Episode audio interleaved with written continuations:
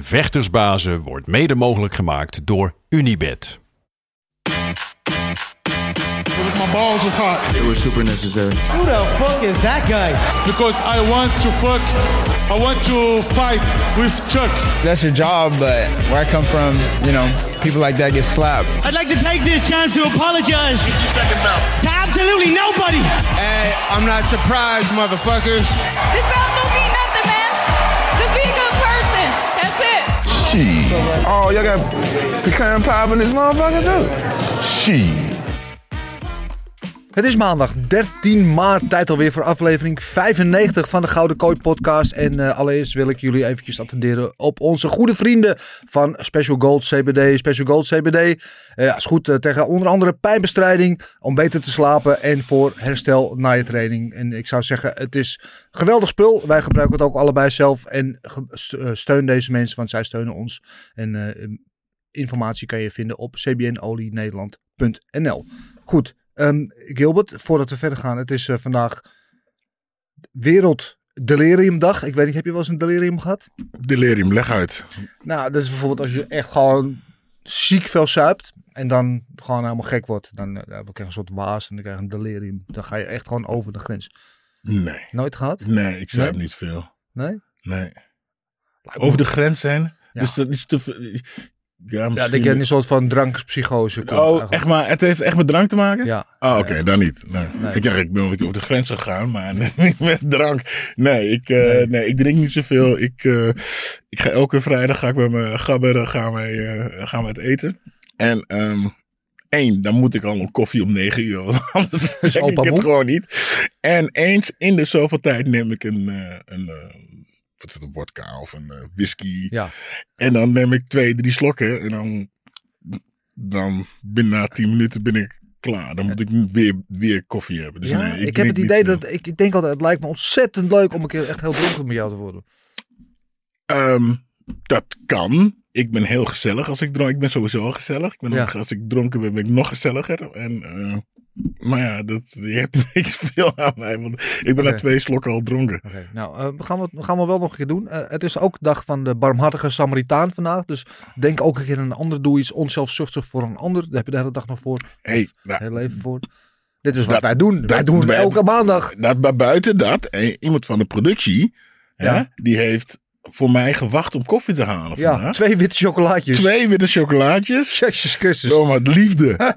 liefde, ja, dat is het. Bram Hart, Deze. ja, ja, voor, je Ken kijk het? op, ja. Ja, eh, ja, jongens. De productie. We krijgen, we, krijgen, we krijgen hem ook meteen terug. Heerlijk, heerlijk. Eh, ik hoef bijna niet te vragen of het goed met je gaat of niet. Ja, gaat fantastisch. Ja. Gaat uitmuntend. Ik hoor net even wat goed nieuws. Jij hoor, je weet het, maar Mag het niet zeggen. mag het niet zeggen. Het is zo frustrerend. Als dit, luister, als dit. Als dit gaat zoals ik wil dat het gaat, Ja, dan krijg je, we gaan hier de primeur gooien van. oké. Beloofd. Beloofd. Goed. Ehm, zonder gekheid op een stokje. We zijn natuurlijk te praten over vechten. Eh, dat gaan we ruimschoots doen. Met natuurlijk terugblik op afgelopen weekend. waar UFC Las Vegas was. Eh, met een geweldige main event daar tussen Piotr- Jan en Merab de Wallace-Willy.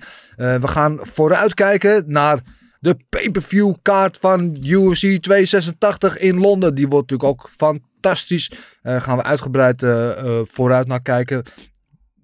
Trouwens, eventjes tussendoor. ehm Eurosport doet daar de live-uitzending. Dus dat, maar dat gaan we straks nog details over geven. En samen met Eurosport is Vechtersbazen daar ook bij. Voor wat eh, behind-the-scenes eh, dingetjes. Zo. Dus hou onze socials sowieso in de gaten. Er gaat van alles gebeuren komende week. Dat wordt echt heel leuk. Daar verheug ik me heel erg op. Eh, we gaan natuurlijk even terugkijken ook op wat afgelopen weekend was. Glory in het topsportcentrum in Rotterdam met de champ tegen champ fight. Daar gaan we over praten. We, we gaan natuurlijk de picks doen. Gok op ja, ik wil knokken. net zeggen, gok op knok. Volgens, Ja. Want volgens Oh. mij is daar beweging geboren. Rustig in je hok, in je hok, in je hok. Eh, LFL was afgelopen weekend. Eh, dat hebben jullie gezien, daar kunnen we wel even over praten. Eh, natuurlijk de man die al over onze schouder meekijkt. Laten we hem gelijk erbij halen. De derde man in onze boyband. De man die nooit slaapt, omdat hij alles volgt van Zierikzee tot Zanzibar. We hebben het over de enige echte Big Masseldorf. Goedemorgen. Goedemorgen. Ja, goedemorgen. Alles wel? Ja, wel met jullie. Ja hoor, ik vind het wel mooi dat je nu een achtergrond hebt gekozen die een beetje past bij je huidskleur. nu. Ah, zijn allemaal ik. gewoon ton sur ton. Ja, Ja. Maar heb je, heb je een beetje een goed weekend gehad? Ja hoor, het was een rustig weekend. En eh, best veel eh MMA gekeken, moet ik zeggen. Dus Ja. ja. ja. Ja, eh, eventjes voor, voor, de, voor de kijkers voor luisteraars. Een rustig weekend is als Marcel Dorf in een weekend niet meer dan 15 uur MMA kijkt, toch? Zoiets. Ja, zoiets. Ja, ja, ja. ja. Veel mensen vinden dat een heel druk weekend. Voor jou is dat een rustig weekend. Oké. Ehm, ehm, laten we gelijk over de materie beginnen. UFC is natuurlijk de hoofdmoot waar we hier over praten. Afgelopen zaterdag. Gewoon met publiek in de, de, de Theater at Virgin Hotels in Las Vegas. Eh, wat vonden we daarvan? Wat vond jij ervan, Marcel? En wat is je cijfer? Ehm, ik vond het begin als, het, als de Apex linker, man. En eh, vervolgens, eh, toen het iets drukker werd, werd het wel iets beter qua geluid. Volgens mij, qua van het publiek. Wel aardig, eh, aardig evenement. Ehm, ik geef het een 7,5, 8, denk ik. Ja. Dat is wel een aardig evenement. Ja. Gilbert? Dan moet ik naar een. eh, ik ben eigenlijk. eh, want, nou, ik zeg eigenlijk maar één partij dat ik helemaal gewoon niets mee eens was. En verder eh, één saaie partij. Dus ik ga voor een 8,5, 9. Wat? Ja, let's go. En ik was zelf ook bij. Dat was geweldig gewoon. Dat was wel geweldig. Het was wel gezellig afgelopen weekend in de, sta- eh, in de studio, zaterdagnacht. Ehm, ja, ik ga er een beetje tussenin zitten. Ik denk dat ik een, een 8. Het wordt een goede, goede kaart. Ik vond het niveau niet altijd even hoog, maar de, de entertainmentwaarde wel.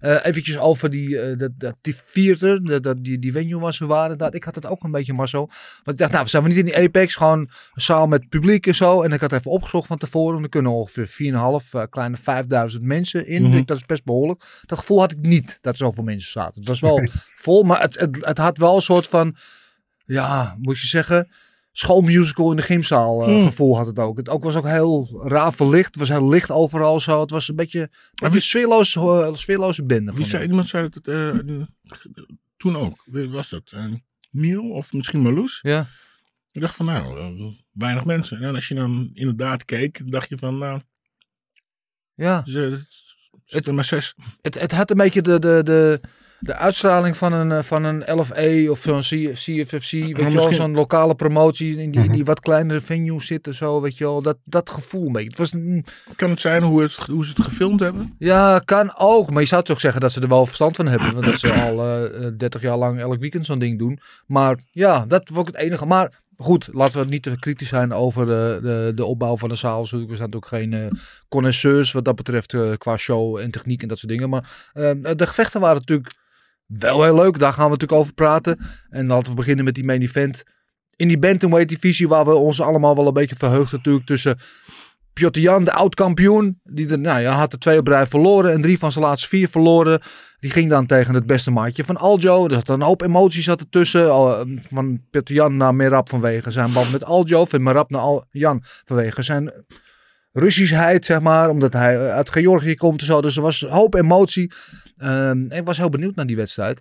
En ik was benieuwd of eh Piotr, eh, Jan bestand was tegen de, de, de cardio en niet aflatende druk van Mirab. En het antwoord was al vrij snel duidelijk. Nee, dat was hij dus niet.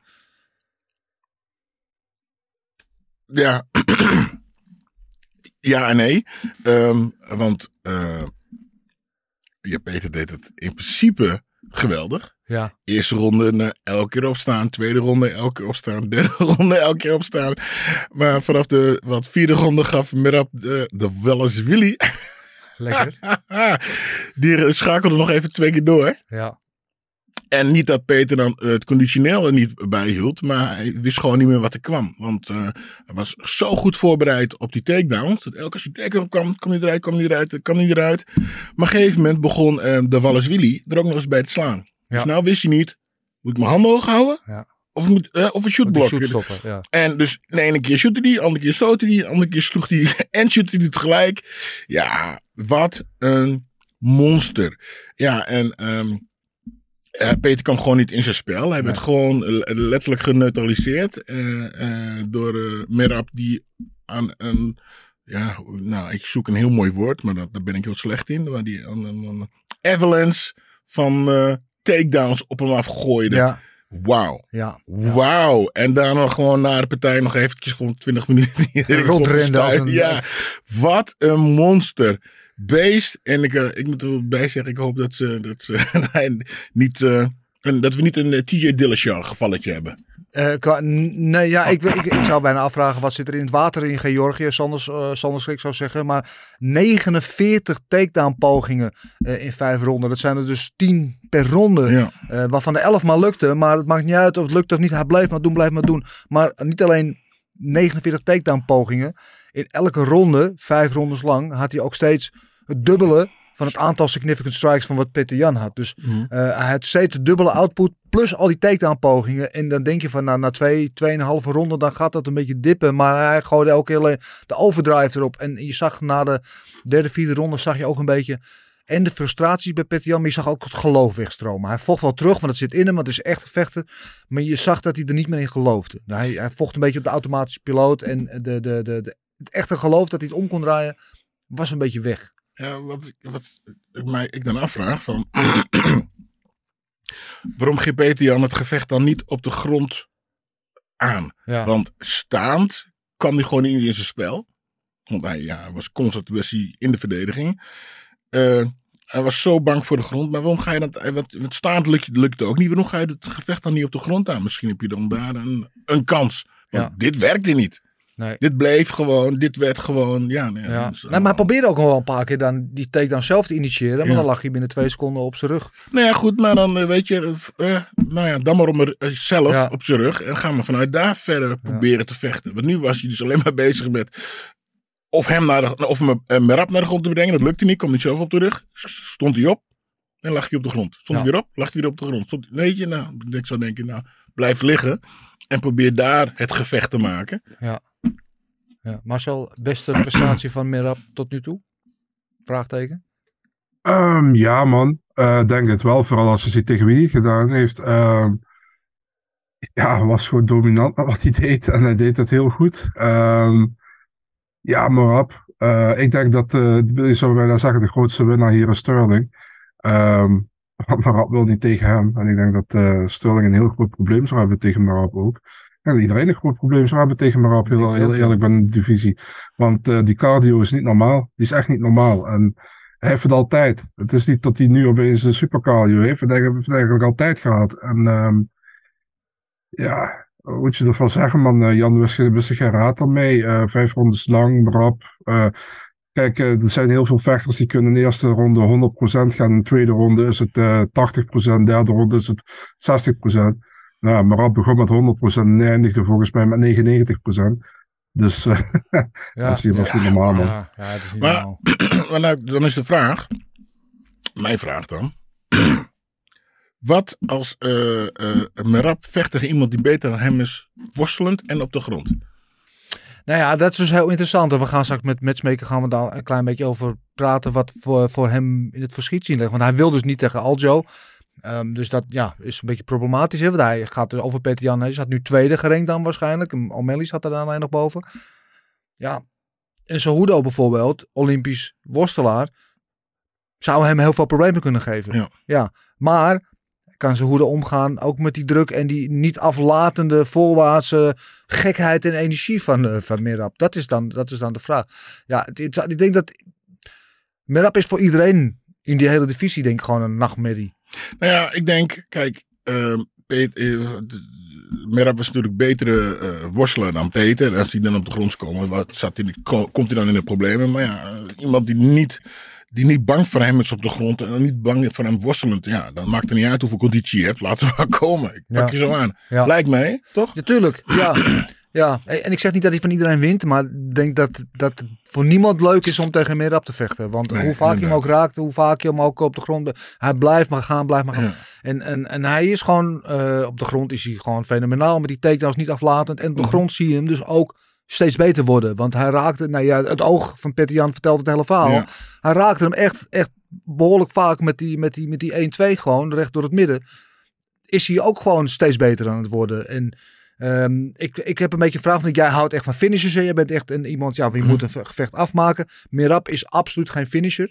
Die, Nee, maar vecht, dit is toch fantastisch? die vecht om te winnen. Ja, dat vind ik, vinden wij Ja, leuk. Ik vind het geweldig. Ik, ik kan hier de hele dag naar kijken. Ik ook. En ik, ik ben, va- ik ben zwaar eh, fan van Peter. Maar Ja. ik heb. Ik heb het... eh, Wauw. Ja. Wauw. En, en die gast blijft maar komen en blijft. En, en je ziet hem gewoon groeien in die partij. Dus eerst alleen maar takedowns. Zeg, oh, weet je wat? Eh, hij is zo druk bij mijn takedowns. Ik gooi er even een stoot uit. Ja. Oké, dit lukt ook. Oh, Ja. nou, en dan vanaf de. En dan in de tweede, wat, tweede, derde ronde staat hij gewoon rustig te praten met zijn co- coach. Ah, ik wil nou even dit doen, ik wil nou even dat doen. En dan, ja, fantastisch. Ik, nee, ik vond het, eh hij zou er voor mij nog zes rondes eh, mogen vechten. Ja. Geweldig. Ja. Marcel, jij ook fan van deze man? Ja, zeker. Sowieso. Ik, eh, ik, eh, ik heb Marab altijd een, eh, een, een, een goede vechter gevonden. Dus ja, kijk, hij is een, eh, ja, hij is een Duracell konijntje. en eentje met, eh, met een hele goede batterij. Dus nee, hij is echt goed. Ik, ik zie hem graag vechten. Ik vind hem ook, vind hem ook gewoon sympathiek. Dus dat vind ik ook, ook niet, het is niet belangrijk, maar ik, vind, ik hou er wel van. Eh enige wat ik wel een beetje te veel de, de draad van krijgen eh, door de week was eh, de, de, de Rusland versus Georgië ding. Het, het, het deed een beetje alsof Peter Jan de, de zoon van Poetin was. Ja. Ook wel een beetje te. Hij lijkt ook maar wel ja, een beetje op hem. ja. ja, maar ja, kijk, kijk ik snap natuurlijk wel dat die, hoe noem je dat, die, die animositeit begrijp ik wel, maar en ik, ik, kijk, wij, wij zitten natuurlijk niet in de, hoe noem je dat, wij zijn geen Georgiërs of wat dan ook, dus we Oekraïners, snappen niet, niet precies die, die eh, hoe noem je dat, eh, die strijd tussen hun. Ik weet wel hoe het een beetje zit, maar ik, ik heb niet dat gevoel uiteraard, maar dat vond ik wel een beetje te veel de leidraad hebben, maar voor de rest, ja, geweldig gevochten, wat kan je erover zeggen, man? Ik bedoel, niemand heeft dit met Jan gedaan. Ook al heeft Jan, eh, hoeveel, vijf keer verloren in zijn, in zijn Ja. carrière, vier keer in de UFC. Niemand heeft dit met Jan gedaan, Nee. dus echt heel knap. Ja, ja, ik was een beetje bang juist in dat wat jij zei, al die, die, die, die eh, Rusland, Georgië, dat, dat, ja, dat, ze vonden elkaar niet aardig, laten we het zo uitdrukken. Dat die emoties, want daar had ik het interview met hem ook nog over vooraf. Want Ray Longo, toen dit gevecht bekend werd gemaakt, had het met hem erover. Weet je, van moet, dat Rusland, Georgië moet je proberen uit je hoofd te zetten. Want dan ga je met emotie vechten. Als je met emotie vecht, dan ga je fouten maken. Je fouten maakt, dan verlies je de wedstrijd. En, en ik had de hele week niet het idee dat het zo heel goed gelukt was om de emoties te scheiden. Sterker nog, ik had het gevoel dat hij juist over emotioneel was. En ik was daar wel benieuwd naar hoe dat in het gevecht eruit zou komen. Maar ja, in het gevecht had hij dat wel gewoon heel goed onder controle. En, en, en bleek dat dus toch gewerkt te hebben, die pep talk. Tot het gevecht over was. en toen hij met die bond met zo'n soort Captain Caveman eh, door, die, door die kooi heen ging sprinten. Toen kwam het er wel even allemaal uit. Maar Ik denk dat dat, eh, en nogmaals, dat heeft helemaal niks met de sport te maken. Dat Nee. Georgië, Rusland, dat is voor de tijd. Maar in, als ze helemaal in die kooi staan, heeft dat helemaal niks met elkaar Nee. te maken. Hebben ze geen hekel aan elkaar, zijn ze gewoon twee tegenstanders. En eh, het is natuurlijk om elkaar een beetje uit de tent te lokken. Hè? Want we weten allemaal dat eh Peter Jan, een, eh, volgens mij, al, die heeft een beetje een kort lontje. ja, Dus weet je, om hem uit je spel te krijgen, dan. Het is, Ja. het is en publiciteit en een beetje het spel, uit het spel eh, trekken. Want na die tijd zijn ze gewoon toch elkaar een hand te geven. ja en, is het gewoon klaar. het begin van de wedstrijd ook niet. Maar na de wedstrijd... nou, maar het is een om mislukt. Dus Ja, en na de wedstrijd was daar ook het eh, respect. En zag je Peter Jan. Kijk, eh, hij heeft er nu vier van de laatste vijf verloren. Dat is wel pittig. Maar bij, die, ja, bij drie van die nederlagen, nou, weet je, als je die wedstrijden kijkt, dan is het natuurlijk wel een ander verhaal te vertellen dan. Maar nu legt hij zich ook maar neer. Nu moest hij gewoon zijn meerdere kennen in meer rap en zal hij dit echt gewoon als een terechte nederlaag zien. Eh Ja, 40, absoluut, 50, ja. 45. Ehm, heel even kort over. Ja, even, heel even kort Ja. over, eh, over Mirab nog. Dat hele verhaal met Aljo, dat blijft ook maar terugkomen. Dat hij niet tegen hem wil vechten, want zijn vrienden. Maar aan de kant, als je naar de belt wil, moet je tegen iedereen vechten. Wat vinden we ervan, dat hij niet tegen hem wil vechten? Ja, eh, twee dingen. Ik, Ja. één, ik snap het. Ja. Dat heb ik, ik heb het eh, zaterdag ook gezegd. je bent samen, je hebt samen een super team en het gaat zo goed. En, eh, en, Ja. en, dan- als je dan tegen elkaar, dan gaat het dat breekt. Mhm. Weet je, dan gaat het gewoon breken. Ja, en dan, het zou leuk zijn als ze dan toch vrienden kunnen zijn. Maar nee, we moeten, hè, dat gaat om, eh, eh, om het goud. En eh, waarschijnlijk ook heel veel geld. Dus dat, Ja. aan de andere kant, ja, sorry man. sorry man, ik wil kampioen worden. Ja. Dan moet je gewoon op je bek slaan. Ja. Ja. Nou, ja, ik, ik, ik snap natuurlijk dat het moeilijk is hè, als je jaar in jaar uit, dag in dag uit met elkaar traint en elkaar kent en met elkaar optrekt en met elkaar met vakantie gaat en met vrouwen, eh, et cetera. Ehm, maar aan de andere kant, ja, je bent sportman, je hebt allebei hetzelfde doel. Dus op een gegeven moment is ook je werk, het, ja, het is ook zakelijk. En ik vind Mike daar altijd een mooi voorbeeld in. Want die Mike heeft het natuurlijk vaak gehad. Ik noem maar Myrtle tegen Kishenko. Toen in de finale van de K1 Max eh, toernooi. Eh, eh, nou, nog een paar keer dat gebeurd is dat vechters van hem tegen elkaar moeten gaan. ja, dan vechten ze tegen elkaar. Dan gaat Mike op de tribune zitten en dan coachen ze niet. Ja, nou, dat, dat is volgens mij alleen met toernooien en zo. Hmm. Want ik weet gewoon. Ja, de laatste was dus het dingetje Plasibat en Jamal die Ja. tegen elkaar moesten vechten. En dat zijn gewoon twee sterren. Ja, Dat gaat niet werken. Dat Nee. gaat gewoon, dat kan niet. Dat, dat krijg, dan ga je wrijvingen krijgen in de sportschool. Ja. Is gewoon zo. Dat, dat werkt niet. Het is, Nee. het is geen schaatsen of voetbal. Nou, nee, maar toch zegt, zeggen zij wel, we vechten wel tegen elkaar als het ergens om gaat. Dus als bijvoorbeeld de belt om, dan vechten we wel tegen elkaar. Ja, dat wel. Maar dan, geloof me, dan gaat Ja. eentje de sportschool uit. Ja. Maar ja, dat is dan, dat is dan de risico van het En dat bedoel ik te zeggen, dan, dan, breekt, dan, Ja. gaat er iets, dan breekt er iets. Ja. Weet je? Het is niet zoals ik zeg, het is niet als schaatsen die jij traint en ik traint. En weet je, het, eh, we zien maar op de dag van eh, wie het snelste is. Ja. Dit is toch echt eh, ja, Ja. een ego-dingetje nog. Ja, ehm, ja, geweldige overwinning. Grootste overwinning van zijn carrière in zijn beste prestatie, de Wallace Willy. Eh, we gaan zo wel even meekijken. hem. Eh, de komende event was er eentje tussen ja, de Battle of the Alexanders. Volkov tegen Romanov. Andere woorden, striking tegen worstelen. Eh, voor Romanov een zware test. We zouden wel even gaan zien uit welk hout hij gesneden was. Nou, Marcel, daar waren we vrij snel achter welk hout hij gesneden was. ja. Ja, ehm, ja, hij had eh, iets van eh 15 kilo erbij gehaald na, na zijn vorige ge- eh, gevecht. Omdat hij eh, twee redenen had ik doorgekregen. De eerste reden was Cheesecake. omdat hij meer cheesecake kon Ja. eten. En de tweede reden was dat Goeie hij eh, reden. meer power zou hebben. Ja. Maar ehm, ja, het, het, het, het was dan eigenlijk een beetje een één ronde vechter. En nu werd het bijna een twee minuut vechten. Ehm, ja, eh, hij, hij probeerde Volkov naar de grond te halen. Ik moet wel zeggen dat Volkov daar een hele smerige cage grab had. Waar de scheidsrechter niks aan gedaan heeft. En daardoor kon hij blijven staan. Maar vanaf dat moment was Romanov nog klaar. Dus Ja. eh Volkov kon eigenlijk doen met wat hij wilde. En eh was een soort van eh, eh, een kerel tegen een jongen bijna. Ja, ja, dus vervolgens, ja, ja. En, en van Romanov was het natuurlijk test, want dat was zijn hoogstgerenkte opponent. Mhm. En terwijl hij tegen de lage gerenkte allemaal vrij makkelijk met, met, met off submissions of ground and pound wist te winnen. Nou, weten we nu dan waarschijnlijk wel een beetje waar zijn plafond ligt. En voor Volkov geldt ook het over, tegenovergestelde. Hè? Die zit een beetje aan de andere kant. Die van iedereen wint onder hem. Maar altijd een beetje in die zeg maar de 5 tot 10 regio blijft staan. En alles wat in de top 5 staat, daar verliest hij dan weer van. Dus die zit ook in een soort van uh, niemandsland. Dus wat dat betreft, ja, is hij dan echt de gatekeeper van die top 5, zeg maar. Ik, wil, Ja. ik wil wel zeggen dat eh Volkov, Volkov het heel, heel goed deed. Eh, want hij zo slim in het begin liep hij meteen op Romanov af. Zo van luister, als Ja. je dan gaat shooten, Ja. doe het in het midden van de, van de Kooi, kooi. die kan niet echt, heen zetten. Juist. En dat was dus één. En nou, bij de tweede keer ehm, kwam hij wel in de buurt van de kooi. Ja, Die, die sprongelijk zijn hand langs de, langs de kooi schaapte. En toen was het ook helemaal klaar voor Romanov. Die zei van oké, weet je, ik krijg hem dus niet op de grond eh, eh, in het midden. En ik krijg niet op de grond tegen de kooi. En toen zag je hem gewoon klaar. Dat was eigenlijk, eigenlijk was dat eigenlijk, ja, gaat hij die stop, takedown kunnen stoppen? ja. Ja of nee? Nee, eh, ja. Partij is eigenlijk over. Ik wil er wel wat over zeggen over die fansgrapes inderdaad. Want met Volker Rome was Mark Smith volgens mij die daar de scheidsrechter was. Hè? En eh, die was in een andere wedstrijd, weet even niet meer welke dat was. eh, waar ook geloof ik tot vier of vijf keer een, een, een Ja. werd gedaan. En die elke keer, dit is je laatste waarschuwing. Ja. Maar dit is echt je laatste dit is echt je allerlaatste waarschuwing. En niet een punt aftrok. En eh, er was een wedstrijd Die bij de prelims tussen Asusau en Grant. Waar Keith Nonons Peterson de scheidsrechter was. Die waarschuwde één keer. En de tweede keer pakte hij gewoon het punt van Ja. Davy Grant. Ik denk ja, dat is hoe je het doet. Eh, en eigenlijk kan je het de eerste keer al doen, hè, want het wordt gezegd de laatste waarschuwing krijg je in de kleedkamer vooraf, als je de regels uitgelegd krijgt. Maar oké, dan Mhm. geeft iemand nog één keer een waarschuwing. Maar Mark Smith heeft, geloof ik, op de hele avond eh, wel tien waarschuwingen gegeven en nooit een punt afgetrokken. Ik denk ja, dan moet je ook gewoon je bek houden. Dan moet je gewoon ook niet die waarschuwing geven.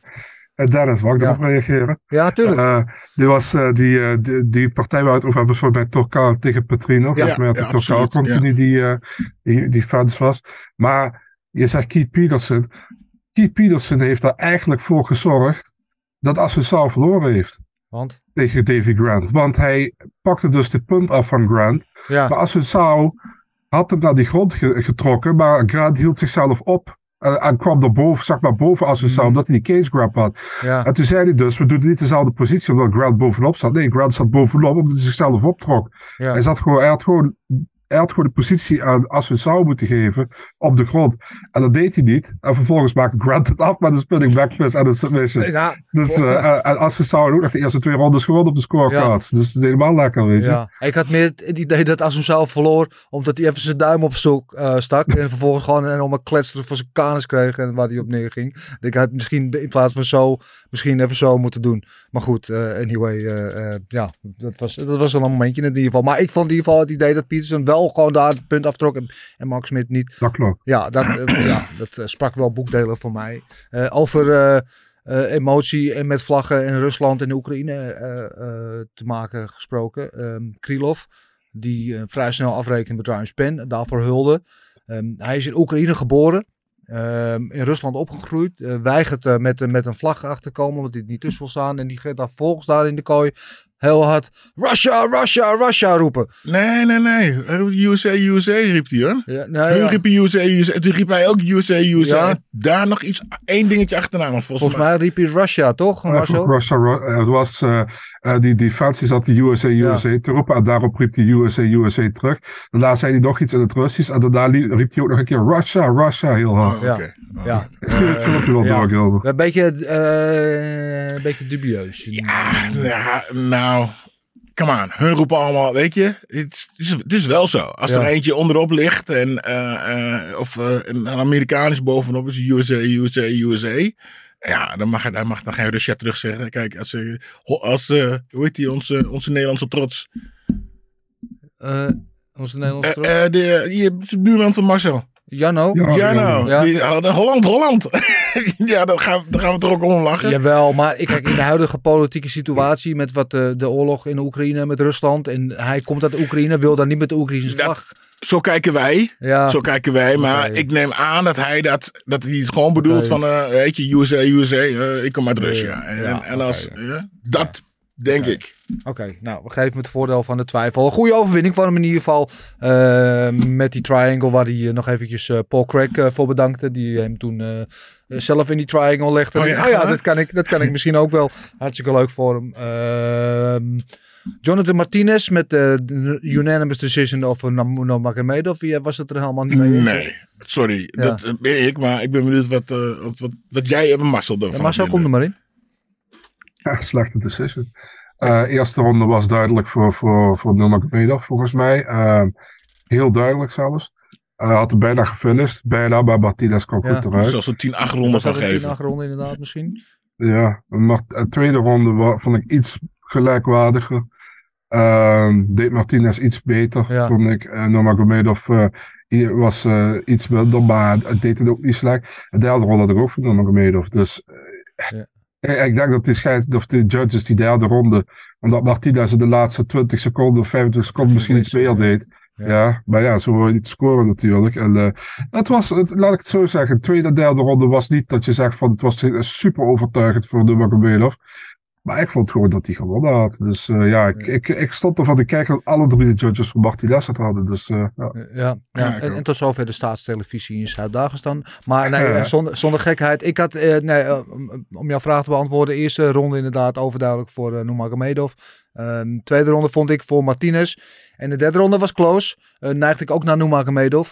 Ehm dus ja, ik had een 29-28 voor Nurmagomedov. Ik zie wel een mogelijk, wat je zegt, nou, misschien dat Martinez die laatste ronde heeft gewonnen. Ja, ik denk, zo, eerste ronde vol gas van Said. Ja. En dan eh, tot, de tweede, tot de helft van de tweede ronde was het eerste ronde ook wijs voor Said. En toen ging hij slowly down. Dus kwam Martinez kwam terug, goed terugvechten. En dan stel, we geven die laatste ronde ook aan Martinez. Ehm, ja. Ja. Dan is het zelfs voor mij nog gelijk zijn. En dan, maar de eerste ronde had Said volgens mij gewoon 10-8 man. Die Ja, trapte hem, gewoon- hij ja. trapte hem dat gewoon één beweging, zes keer op zijn hoofd gewoon. Ja. Ja, ja dat was hij wel geweldig. Ik vond wel dat hij in de tweede ronde behoorlijk snel Ja, ja, ik denk dat hij het heel erg had uh, over. Hij kwam ook zo binnen. Hij kwam binnenlopen alsof hij naar de sauna ging. Ja. Uh, en hij was ook niet. Ik zag hem ook. Hij was ook niet. uh, volgens mij was hij niet goed opgewarmd. Hij zag er uh, helemaal normaal zweet een beetje. Hè. Hij was Ja. gewoon of die. Uh, ja. ja. En uh, ik denk dat hij het overschat had. Weet Ja. je. Eerste ronde iets te veel gegeven. Veel te veel gegeven. En het uh, begin tweede of midden tweede ronde. Toen uh, was hij moe. Ja. Ja, de, ik ben, ben ervan overtuigd dat Said Nurmagomedov eh nieuw in de proef terug gaat komen. Dat hij gaat leren van, van die fouten. Ook al zou hij misschien gewonnen hebben. Maar ja, hij, hij liet het ook wel een beetje zelf liggen vanaf die tweede ronde. Eh, maar het blijft een genot om naar iemand te kijken. Ehm Batista met die geweldige eh, eh, eh, overwinning. Eerst Suplex City, om het zo anders schrik te spreken. En daarna die weer naked choke op de man met de meest Jersey Shore naam van de hele UFC, Guido Canetti. Geweldige overwinning van hem. En dan, ja, dan die eerste partij, Petrino tegen Turkai. Die wel heel entertaining was. Maar het was inderdaad, ja, het was meer hard dan techniek af en toe. Ja, duidelijk. Dankjewel. Ja. Ik, ik, ik schaamde me helemaal. Nee, ik nee. moest zeggen. Ik denk, Nee. oh nee. Nee. Jij riep nog in mijn oor. Zeg het dan. Ik dacht, maar ik durfde het bijna niet te zeggen. Jawel, jawel. Kijk, het was... Oh, eh, Marcel die eh, doet verschrikt de camera uit. Oh nee, daar is hij weer. Ehm, nee, het was, het was heel entertaining. Het was een leuke wedstrijd. Maar het was, nou, ze waren wel af en toe gevrijwaard van techniek, zeg maar. Ja, dat was precies. het. ja, Ja, ja, en ze, maar, ze klapte erop en klapte erin. En dat Ja. was geweldig. En hier links en rechtsom. En dat was, was leuk om te kijken. Maar op een gegeven moment ga je wel kijken. Nogmaals, hè, ik als trainer en als vechter zelf denk van... Nou, nou, ja, Ja. nou kom op man. Het was leuk om naar te kijken, maar het hoort niet per se een maincard thuis. Dat weet je. Dankjewel. Ja, ja, ja, maar ook goed. Al, al, overal een leuke kaart zo tussen die twee Ja, pay-per-views in. Hè? Want dan ja. heb je toch een beetje een, ja, een, een ondankbare positie tussen twee van die megakaarts in. Maar eh, viel zeker niet tegen. Eh Davy Grant hadden we het al even over gehad. Inderdaad, die Assunção met pensioen stuurde. stuurde. Eh, wel verdiend, denk ik. Uh, Assunção 40 is hij. En als je kijkt naar zijn cv tegen wie die allemaal gevochten heeft. Heeft echt alleen maar tegen killers gestaan in zijn hele carrière. Nou ja, dan is het ook wel een keertje mooi geweest. En eh, mooi finish van, van Davy Grant. Bonussen waren Fight the Night voor diezelfde Petrino en Turkai. Daar hoorde ik wel heel veel commentaar op, eh, links en rechts. En eh, Performance of the Night bonussen waren voor Davy Grant. En eh, voor Bruno Silva, die een geweldige finish had tegen Tyson Nam. Ehm, ja, verder nog iets op die avond wat jullie... Nou, ik, ik snap niet waarom eh Davili Willy, en dan kan ik hem wel uitspreken ook. Ja. Davili Willy geen eh, performance of the night heeft ja, gekregen. geen finish. Ja, maar wel performance, kom op man. Ja, volgens, ik- hij heeft, volgens mij heeft hij meer takedown dingen gedaan dan de, de rest op de hele Kaart. kaart. Ja, dat, dat is wel zeker trouwens. Ja, ja ik vind dat hij een ik vind dat iedereen een bonus verdient, maar ehm, Ja, ja. Nou ja. Anyway, eh, dat was UFC. Dan gaan we ons klaarmaken voor aankomende zaterdag. De O2 Arena. Eh, afgelopen vrijdag was nog eh, Bellator 292 met Oesman Nurmagomedov, die andere Nurmagomedov. Je hebt toch een heel berg van die gasten. Die eh, Benson Henderson eh, ook met pensioen stuurde. Eh, in de eerste ronde was op, over, oppermachtig. eh, Benson Henderson had daar niks, niks in te brengen. Maar Benson Henderson natuurlijk wel Marcel. Een man met een zeer roemruchte en rijke carrière. Ja, zeker. En ik denk ook dat hij misschien wel genoemd mag worden in de top 5. eh, beste lichtgewicht, ooit misschien top 10 voor sommige mensen.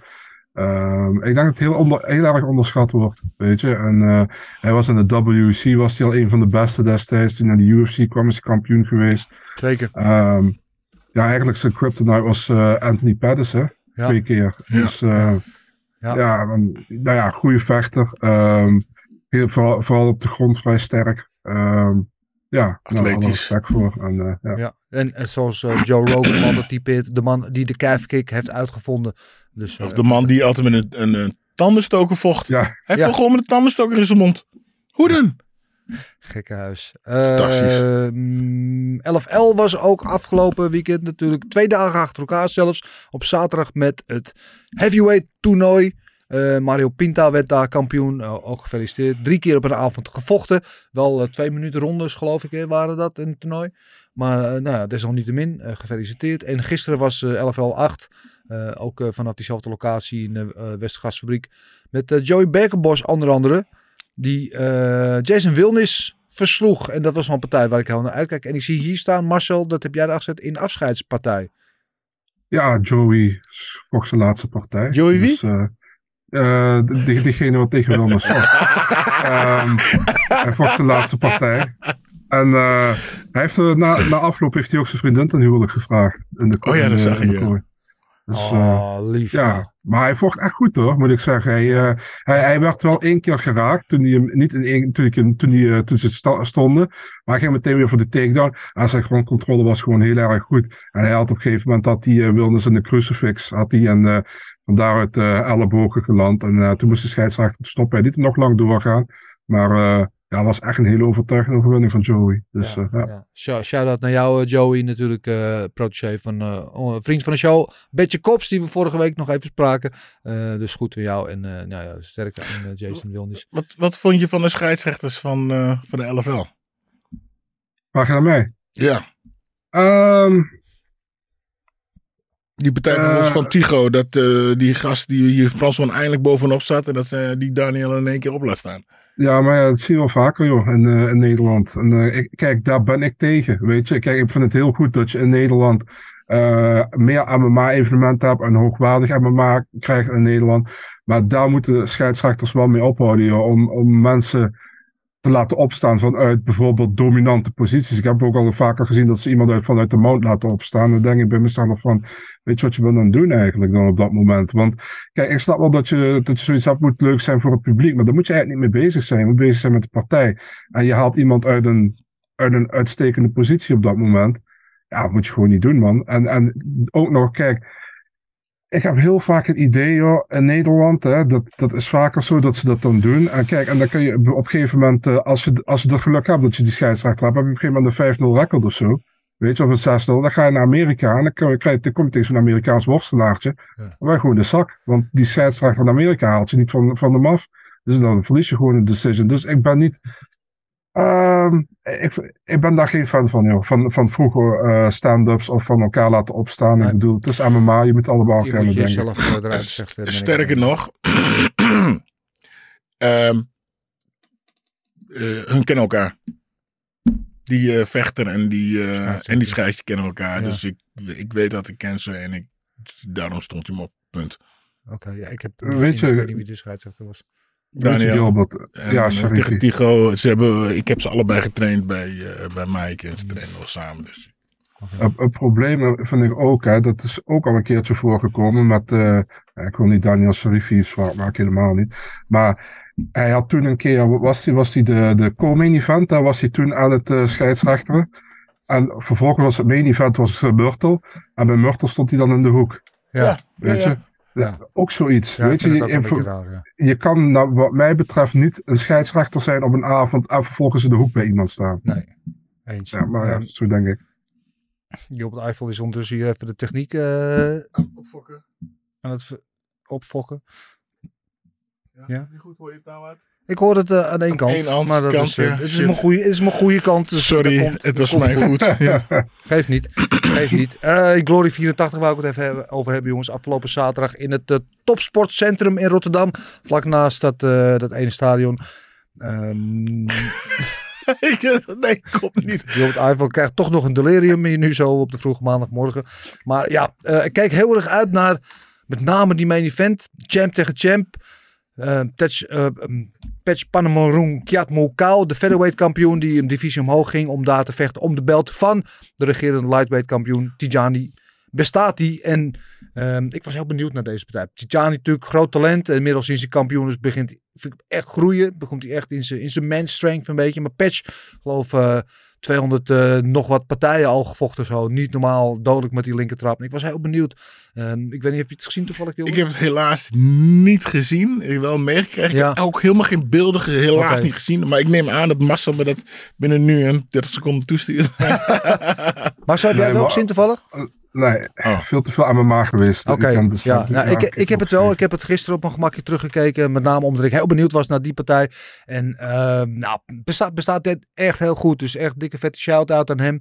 Um, wat wij van tevoren zeiden, hè, wat hij moet doen. Hij moet met zijn box in zijn knieën. Zijn afstand oh, houden. Zijn, zijn distance management, wat hij heel goed is. En, um, en vechters die een reach voordeel hebben, weten dat niet altijd goed uit te buiten. Dan lopen zich vaak dicht. En hij deed dat wel heel goed. Uh, alhoewel Patch wel een aantal keren goed doorkwam met die linkertrap. Want ja, echt snoeien had. En je zag dat bestaat dit af en toe al kleine flinch van deed. Maar overal eh, deed hij het heel goed. En eh, maakte hij het in de vierde ronde af met een serie van tips. Ehm, eh, en ik moet dat commentaar daar even corrigeren. Want die zei van hij komt uit het niks. Maar hij had die trap echt al vier keer achter elkaar gegeven. En bij die vierde keer kromp patch in elkaar. ehm, ja, in de, in de, op de plexus. Of in ieder geval ja, kwam niet meer op tijd hersteld daarvan eh, binnen de acht tellen, binnen de tien tellen. En de scheidsrechter die eh, stopte het. En eh, geweldige prestatie van, eh, van Tijani. En eh, ja, hij is echt de, de, de heerser daar in die divisie. En als iemand als Patch, die toch echt levensgevaarlijk is, zo eh, overtuigend kan stoppen. Want hij was daarvoor echt alle rondes ook aan het winnen. Op punten. En uiteindelijk maakt hij het gewoon geweldig af. En eh, super.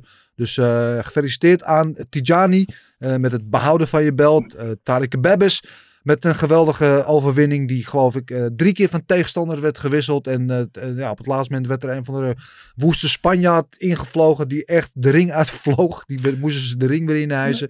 Even, En- ja, sorry, je zegt van gefeliciteerd met het behouden van je belt, maar is het toch niet veel meer fantastisch dat hij die gewoon die verschrikkelijke pets heeft verslagen? Ja, dat ook. Maar dat is natuurlijk een gevolg daarvan dat hij die belt nog steeds heeft. Mij. En dat hij nu eigenlijk ook al. Kijk, Patch die kon natuurlijk. Die houdt nog steeds zijn eigen belt. Die heeft verloren, maar houdt zijn belt. En Tijani kon echt zijn belt verliezen. Mhm. En eh, is nu. Nou, hij is geen champ-champ, want hij heeft niet een belt erbij. Maar hij heeft wel een, een koning van een andere divisie Ja. verslagen. Als, weet je, Makachev, Volkanovski, dat verhaal Ja. een beetje. Dus ja, geweldige prestatie eh, van hem. En ehm, ja, wat ik zeg, gefeliciteerd ook Kebebis. En daar was wel een raar momentje waar eventjes die gozer vloog uit de ring. eh kwam weer de ring in. Maar ja, gaf aan te willen doorvechten. Maar toen gooide de handdoek gooide de ring. En zo, zijn hoek echt aan zo van, wat doen jullie nou? Maar misschien niet onverstandig, want Kebebis was echt eh, bommen aan het gooien op zijn hoofd. En het was waarschijnlijk niet goed met hem afgelopen.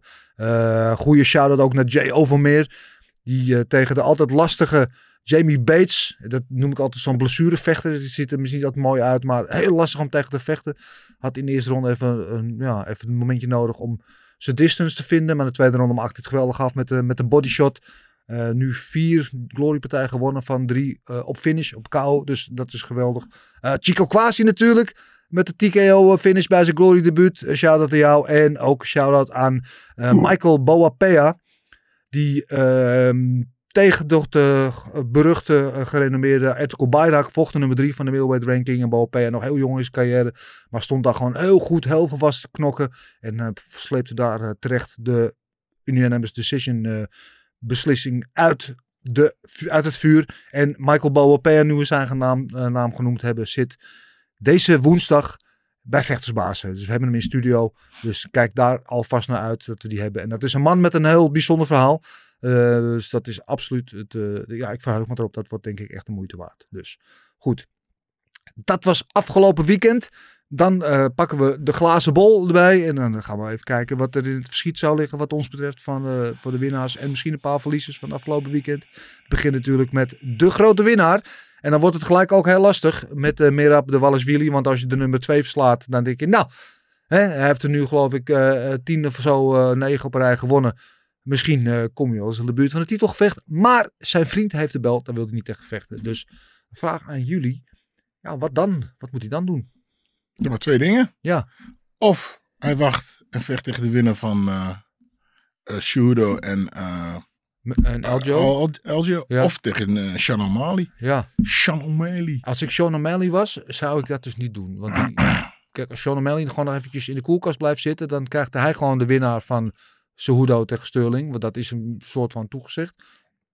Dan ga ik niet tegen Marab vechten. Want de kans dat hij van Marab verliest, is best wel aanwezig, zeg maar. Dat lijkt me niet echt een goede stylistische matchup voor hem.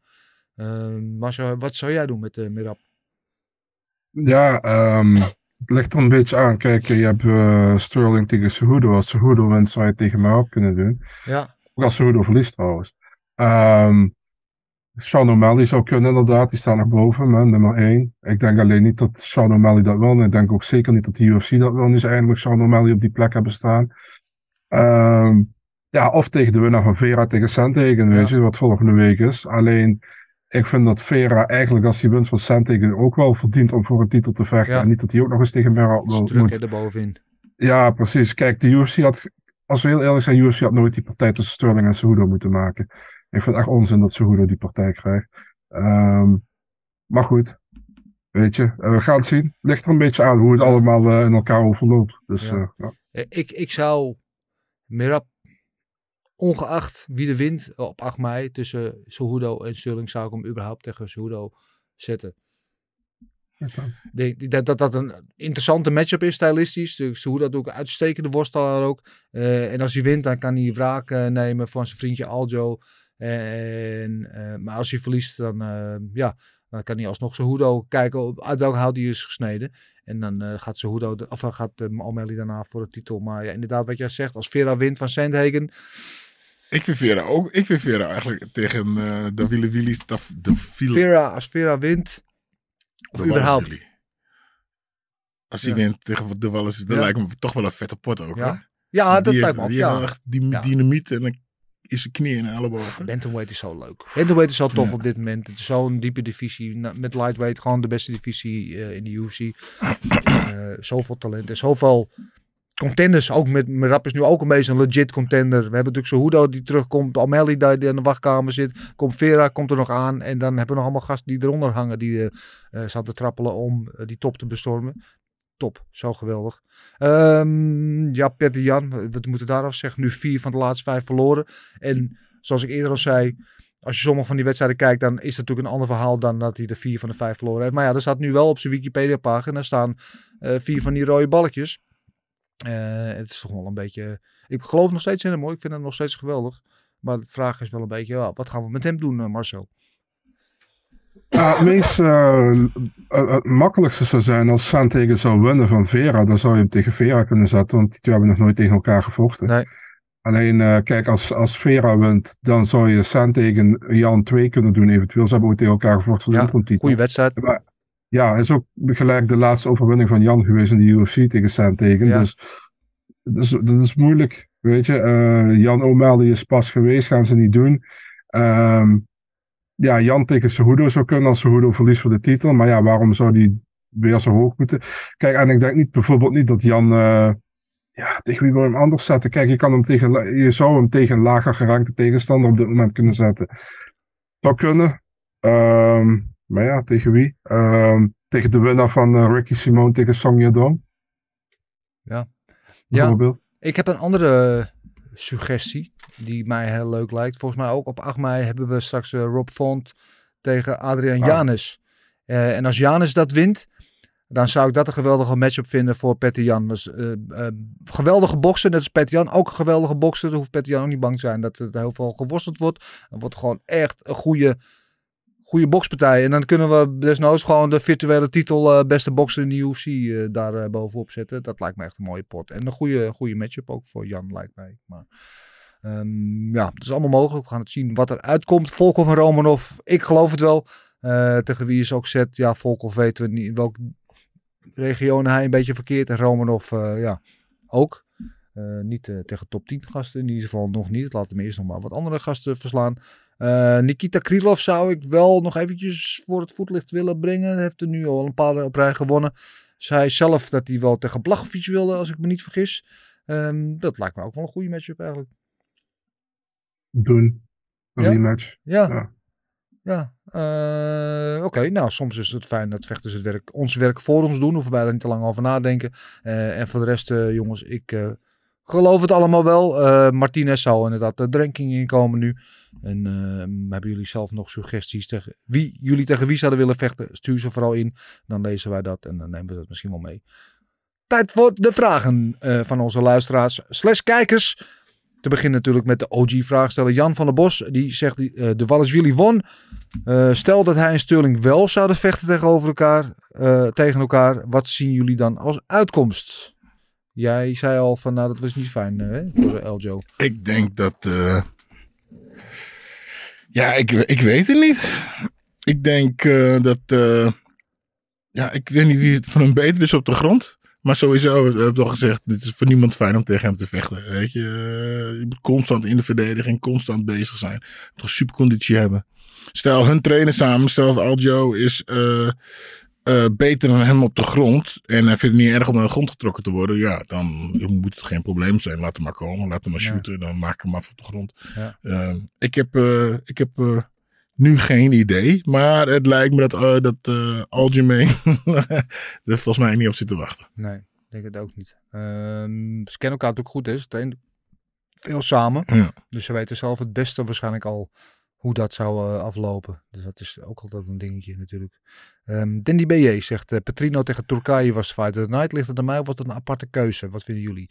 Ja, ehm, ik ben het wel met Gilbert Eiffel eens. Inderdaad, als je Mirab dan geen performance of the night bonus geeft, omdat het geen finish was, geef hem dan fight of the night bonus, toch Marcel? Ja, maar je hoeft niet eens per se eh, een performance of the night, eh, een finish te hebben voor performance of the night bonus te krijgen. Dus ze had ook gewoon vier performance of the night bonussen kunnen doen volgens mij. Daar was Ja. ook niks mis mee geweest. Dus ehm, ja, ik, Ja. eh, ik, kijk, ik vond bijvoorbeeld als je al Fight of the Night had moeten kiezen, dan had ik misschien voor Henry tegen Gravelly gekozen. Maar eh, ik denk dat Dana misschien toen nog niet binnen was of zo. Nee. Dus ehm, net zoals vorige week, toen kwam hij ook pas rond de pay-per-view binnen, heeft hij de rest allemaal gemist. Ja. Dus ehm, ja, Ja, en, en Dana is dus kennelijk geen fan van de stijl van uh, Mirab. Laten we daar maar op houden. ja. Ehm Erwin Mensen, Fuckman. Mooi, mooie overwinning van Volkov. Tegen mijn voorspelling in. Ja, dat heb je wel eens. Tegen wie kan hij nu gematcht worden? De meeste boven hem zijn al gematcht. Misschien Tuivasa of Spivak. Of zelfs een rematch met Gaan. Wat vinden jullie? Ja, die wedstrijd tegen Gaan was, wa- als ik dan terugdenk, heel eenzijdig volgens mij. En niet, ja, was ook niet heel spectaculair. Hoeft dat niet per se nog een keer te zien. Ook al wel maakt het nu misschien wel sens met Gaan die nu van verlies komt. Maar Tuivasa of Spivak, ja, ieder oor. Dat zou allebei wel oké zijn, toch? alle drie goede opties hoor, als ik heel eerlijk ben. ja, Dus, eh, ik kan dooien, kan vriezen. Ik word niet heel enthousiast van in ieder geval. Maar goed, eh, en dat wil niet zeggen dat ik wat tegen gevolgen heb. Maar ja, het is wat het is. Mustafa Al-Nasri. Eh, wie zou de volgende tegenstander kunnen zijn van Merab? En dit, is dit ook het einde van Jan in de UFC? Dat eerste hebben we het over gehad. En dat tweede denk ik niet. Jan Nee, is dat denk ik 31. eh, en ondanks dat hij natuurlijk wel een beetje gefrustreerd was. denk ik dat hij misschien even terug naar de tekentafel gaat. Misschien eventjes een klein beetje rust. En dat hij dan verbeterd en al terug gaat komen.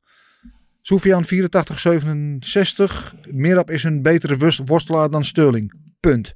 Ehm, ja, dat zou zo maar kunnen. Is hij een betere worstelaar, Marcel? Ehm ja, qua worstelen, ja, zou best kunnen. Ja. Ehm van, van, als jij mij nu zou vragen als ze tegen elkaar gaan, voor wie, op wie zet je je geld? Ik denk dat ik toch mijn geld op de Valles zet. Ja. Dus ehm, ja, maar of die per se een betere worstelaar is, ja, vind ik moeilijk. Ja. Daarom zou het heel interessant zijn om het te zien. Maar, Ja. ja. Ja, we gaan gewoon een keer stiekem met een eh gleufhoed en een zonnebril gaan we naar, eh, naar die gym toe. John Fastlife, wat vinden jullie van eh, Yoshihiro Akiyama eh, in de Netflix-serie Physical 100? Ik heb geen idee waar dit over gaat. Ja, ik wel. oh, vertel. Ja. Eh Physical 100 zijn allemaal, eh, zijn allemaal mensen die eh, fysiek heel sterk zijn. Worstelaars, eh, eh, modellen, brandweermannen. En dan, die doen dan een eh, survival, eh, Ja. touwtje trekken. eh, zo lang mogelijk aan het ding hangen. Een soort Ninja Warrior. Ja, volgens mij heeft hij het over een, eh, een MMA-vechter, toch? Is het? Ja. Deze slop, jongen. Eh, ja, leuk. Dat is leuk. Volgens mij wint hij wat, verliest hij wat. oké. John, ik ga een keer naar kijken. Ik heb geen idee waar dit over gaat. Eh Louis de Vruchten, is Bell Bellator niet wat voor Petter Jan? Hmm, ja, zou kunnen. Ik denk dat hij daar zomaar weer kampioen eh, zou kunnen worden natuurlijk. Wie is daar eh, nu kampioen ook alweer maar zo? Ehm, eh, ja, eigenlijk Sergio Pettis volgens mij, maar Stots is hè? Nou, is dat is interim, ja. Die vechten toch tegen elkaar binnenkort niet? Ja, Pettis is toch altijd aan het herstellen, hè? Maar dus, nu heb je dus Stots tegen Patchy Mix voor Oh ja, de... dat is, ja. ja. Ja, oké. Ja, nou ja, Jan zou daar geen modderfiguur slaan in ieder geval. Eh, Abu Unite, hebben jullie de reactie van Typhoon Oskan gezien op de overwinning van Bestati? En wat vonden jullie daarvan? Ja, heb ik wel wat van gezien. Wat Oskan had inderdaad gezegd van ja, je vecht tegen kleinere gasten. Ja, luister, die man is 1,90 meter. In die divisie vecht hij altijd tegen kleine gasten. Ehm, ja, dat vind ik. Is oh, is hij als zijn gewicht? Het is weliswaar hetzelfde gewicht. Ze wogen Ja. allebei 69,5 op de, Nee, maar ik bedoel, die, die Tafoen Oscar zijn, zijn 70 gewicht. kilo ook, ja. Ja, dus die wil gewoon een partij hebben. Ja, Ja. maar die vecht bij One. Dus Oh, ja, dat gaat niet. Eh, Mo underscore Issa. Wat een tempo zat er in die partij tussen Jan en Merab. Met, maar de grote vraag, gaat Oesman winnen van Edwards? Daar gaan we het zo over Oeh, hebben. spannend! Cliffhanger. Thijs Heesakkers. Dennis, kun je iets meer vertellen over het grote nieuws met betrekking tot de glory van Jezus Christus? Dat is een jaar geleden. Eh, ging dit over de heavyweight toernooien of kunnen er nog meer groot nieuws verwachten? Nee, ik kan je vertellen, al het grote nieuws wat er was, dat ligt al lang op straat. Dus eh, daar hoef ik niks meer over te zeggen. Eh June Jack 13, wat vinden jullie van de vier namen van de Glory Heavyweight toernooi? Ja, ja, sorry. Ik zag het voorbij komen. Ik dacht, nou, dat is dan wel jammer. Ja, Ja, dat is niet echt heel bijzonder. Vind ik. Ik weet niet eens. Ik weet dat uh, koekje erin zit. En eh Ehm, kababes, zit kababes erin? nee, Mahedin zit erin. Eh, die afgelopen zaterdag overigens verloor, maar op light heavyweight. Maar die gaat voor het Mhm. toernooi gaat hij dan weer terug naar heavyweight. Eh, Tavares zit erin. En Tavares is normaal light heavyweight, maar is bij Infusion destijds wel kampioen geweest, ook bij heavyweight. Er zit een of andere Schliefer of zo zit erin. Nooit van gehoord. Eh, en Cookie zit erin. Ja, sorry man. Maar dan, dan had toch eh, een, een Rico en een Plaasjebad en een Jamal en een nog iemand in Nee, moeten zitten, dat, toch? nee, nee, nee. Dit is het vierman toernooi. De winnaar hiervan gaat tegen Plasibat. En straks aan het einde van het jaar krijgen we het grote achtman toernooi. En daar willen we dan alle kanonnen zien. Oh, oké. dan eh, heb ik niet goed opgelet. Nee, Oh, nee. dus het is niet, het is dus niet het grote eindtoernooi waar Robbie het over had. Of waar Robbie het dus niet over had. Waar Robbie het niet over had. Oké. Oh, Nee, nee, dit is, dit is oh. volgende maand. Dit is in april. Is een viermans toernooi, Glory 85. Eh, en de winnaar van dit toernooi gaat Mag. dan uiteindelijk tegen Plasibat. eh, op Collision, geloof ik in eh, mei of juni of weet ik veel wanneer. En ja, ik ben heel benieuwd. Tavares is natuurlijk terug naar dopingschorsing. Ehm, gaat nu dus naar heavyweight. Ik ben benieuwd hoe hij daar gaat doen. Daar kijk ik het meest naar uit. Cookie is natuurlijk ja, op voorhand wel een beetje favoriet. Natuurlijk legit zwaar gericht. Mahadin heeft, al eens tegen, heeft twee keer al tegen Plasibat gevochten. Eén keer gewonnen, één keer verloren.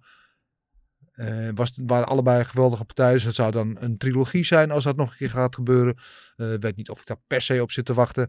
En eh, die ja, Slifar, ik heb geen idee wie dat is. Dus eh dit is een, nieuw gezicht. Hij heeft ook op de foto, als je kijkt op de website, is hij zwart. Dan is geen, geen foto op de website. Dus grote onbekende, letterlijk en figuurlijk. Dus eh, we, gaan het, we gaan het meemaken. Eh ATA58T, wie is favoriet om het Glory 4-man toernooi te winnen en tegen Plaatsbad te vechten? Nou, daar hebben we het net over gehad. Rebel by Nature. Heeft Gilbert een link met de andere Hurricane, Peter Smit?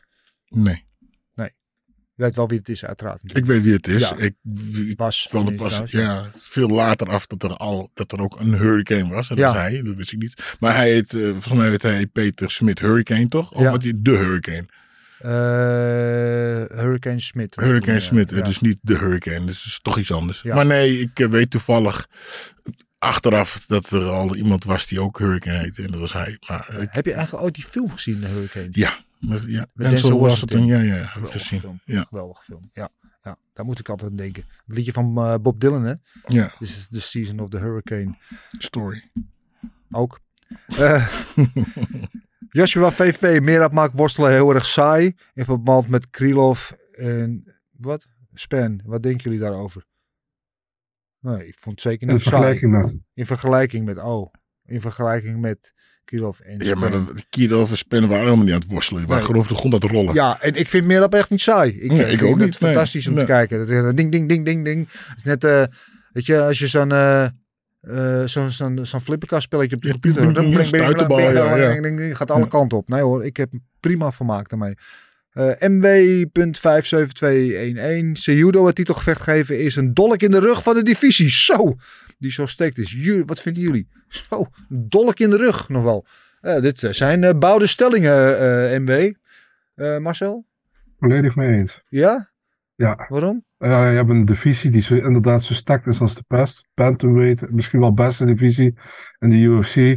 Cejudo komt terug, krijgt meteen een titelgevecht. Na Ja. drie jaar niet gevochten te hebben. Kijk, als er nu niemand was geweest in die divisie en hij kwam terug, dan had ik er geen problemen mee gehad. Maar ik vind het een beetje geforceerd, joh. Ik snap het wel, wat ze doen, maar het is een beetje wat de UFC wel vaker doet. Een beetje leven op oude namen Ja. en eh, daar weer op verder bouwen. Kijk, Maar, ik vind het niet dat ik het geen leuk gevecht vind, hè. Maar Maar John Jones, die meteen een titelgevecht heeft, dat vond je wel oké? Nee, dat, kijk, het komt op hetzelfde neer, weet je. Kijk, eh, dat heeft de UFC ook zo gedaan. Daar had ik ook... Kijk, kijk Ngannou was in principe was de kampioen op dat moment. Mhm. En die had eigenlijk bijna iedereen in de top had hij gehad. Wat, wat daar op dat moment kwam. Dat hebben ze geprobeerd. Jones tegen Gano is niet gelukt. Dus toen werd het Jones tegen Gaan. Dus ik kijk, de UFC wil jo wilde Jones gewoon als, in principe als kampioen hebben, het heavyweight. Weet je, en een bantamweight, ze zijn ook niet blij met Sterling, de UFC. Ja, dus en Cejudo heeft de naam, is, eh, kan, kan goed al horen, althans dat vinden heel veel mensen, ik vind het niet normaal te horen. Maar goed, ehm, dus die heeft ook een naam, is een voormalig double champ geweest. Dus die krijgen ook die voorrang. Maar ja, ik vind in een stack divisie, weet ik niet of dat echt wel de bedoeling eigenlijk moet zijn. Maar goed, dat is mijn ja, mening. Ja, ik heb er geen moeite mee hoor. Ik vind Cejudo eh, echt ik, een geweldig vechter. Natuurlijk double champ geweest, Olympisch kampioen geweest. En ik denk een hele moeilijke matchup voor algemeen Sterling. Ik zeg niet dat als Sterling verliest, maar ik zeg ook niet dat hij zomaar wint. Eh, als iemand zo iemand terugkomt. Ja, ik denk dat Alain O'Malley is natuurlijk de, de, ja, die krijgt natuurlijk niet het onderste uit de zak op deze manier. Die is natuurlijk de grootste verliezer. Nu ook van afgelopen weekend. Uh, die moet even wachten. Maar nee, ik heb, uh, nee, ik heb er geen moeite mee. Jort? Ik vind het ook prachtig. Nee, ja, ik, ik wil uh, altijd uh, wel tegen judo ver ja. en dan misschien tegen judo wel tegen Merab. Merab. Ja, ja ik prima. Ja, Waarom kijk, niet? Maar, ik wil het ook zien hoor, daar niet van. Maar de vraag is, is het terecht dat hij Ja. terugkomt en meteen een titelgevecht krijgt over een O'Malley, over een Dvalishvili, over een Vera, die allemaal hun... Heeft de UFC een heel mooi plaatje dat wij nog niet, die wij nog niet hebben gezien en wordt het zometeen onthuld aan ons dat we denken, oh, natuurlijk. Kijk, maar met Cejudo is het natuurlijk wel, toen Cejudo kampioen was en op die persconferentie na het titelgevecht toen zei van ik stop ermee. En was het eigenlijk een soort van, probeerde een soort van hardball te spelen in de hoop meer geld te krijgen. En niemand interesseert het eigenlijk wat. De UFC zei oké doei. en dat was het dan. En daar had hij dus niet op gerekend. En er waren niet veel mensen op dat moment die er heel veel om gaven ook dat hij ermee stopte. Maar in retrospect, als je terugkijkt op zijn cv, wat hij heeft neergezet, is het best wel fucking impressive. Is hij best wel gewoon heel indrukwekkend.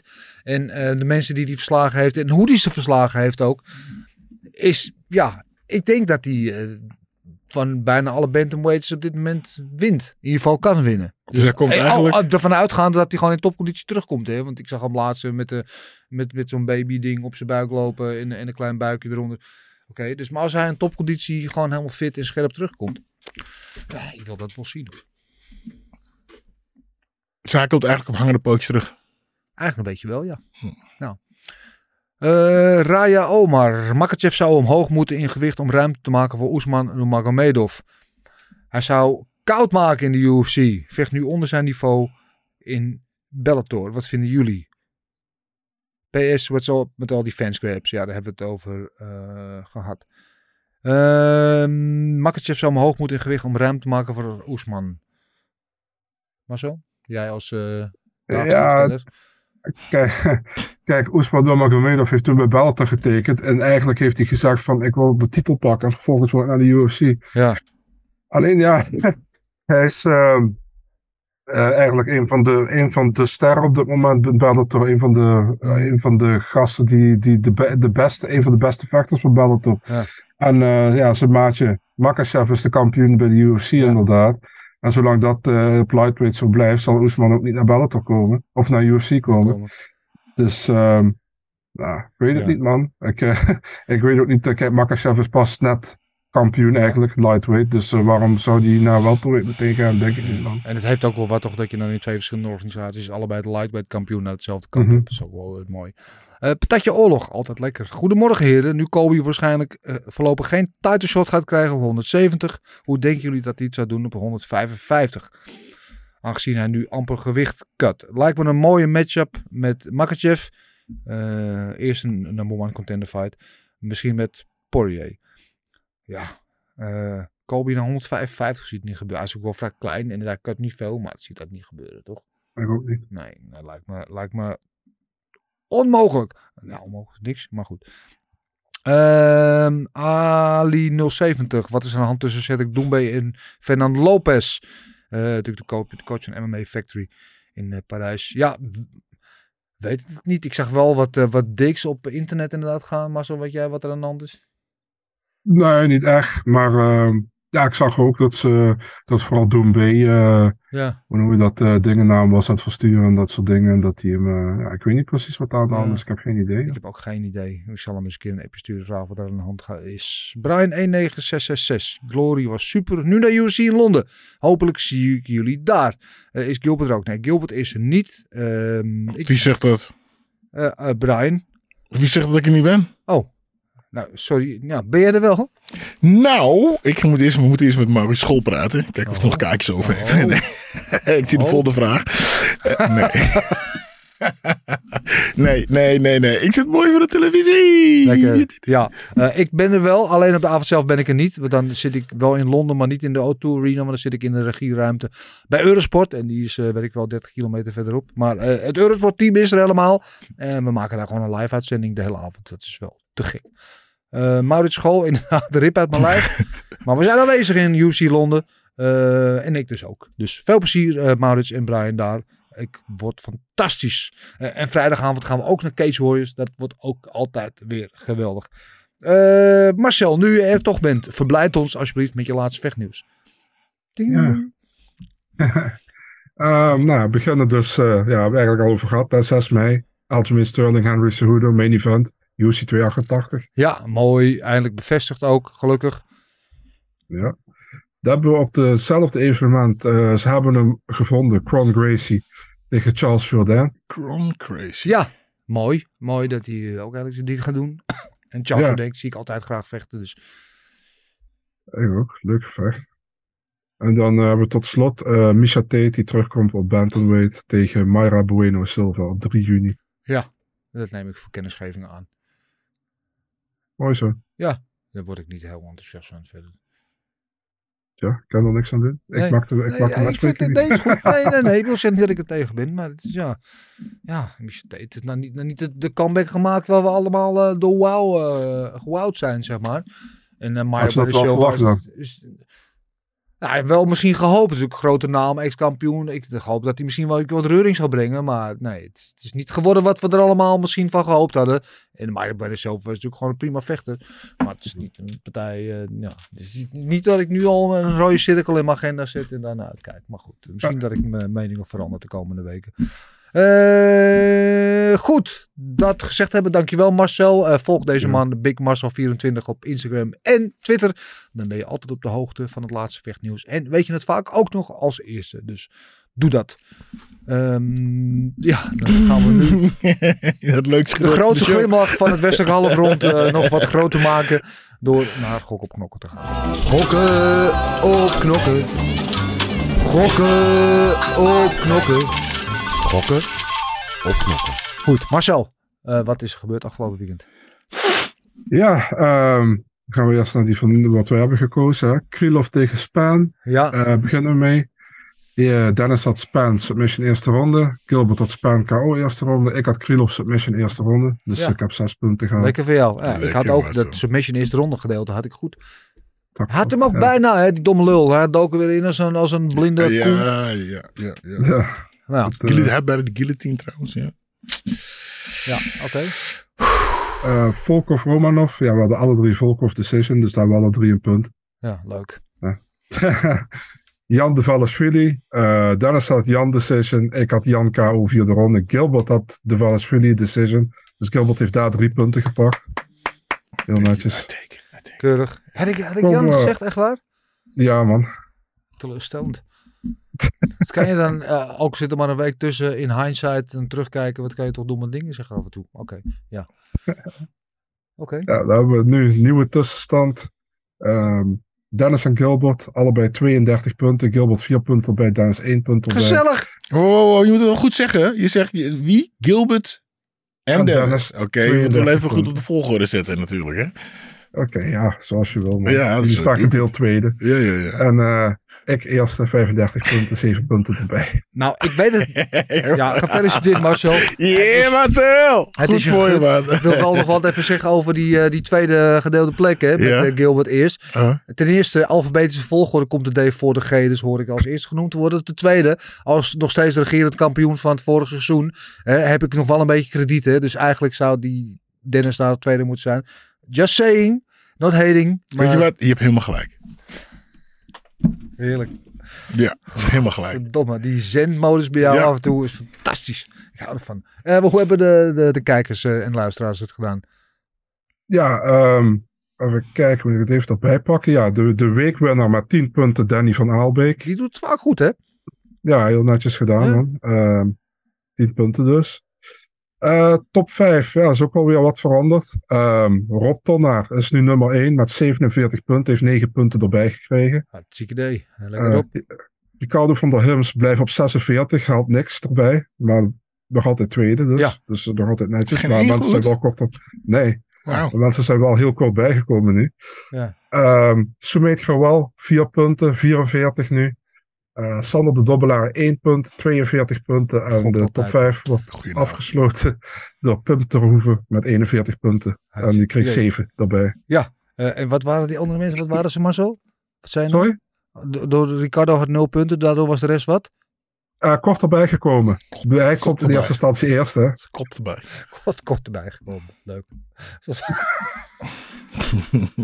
Schattig. Eh dankjewel Marcel, dank jullie wel weer voor al jullie inzendingen. Jullie weten het, eh, de nieuwe ronde, nieuwe kansen.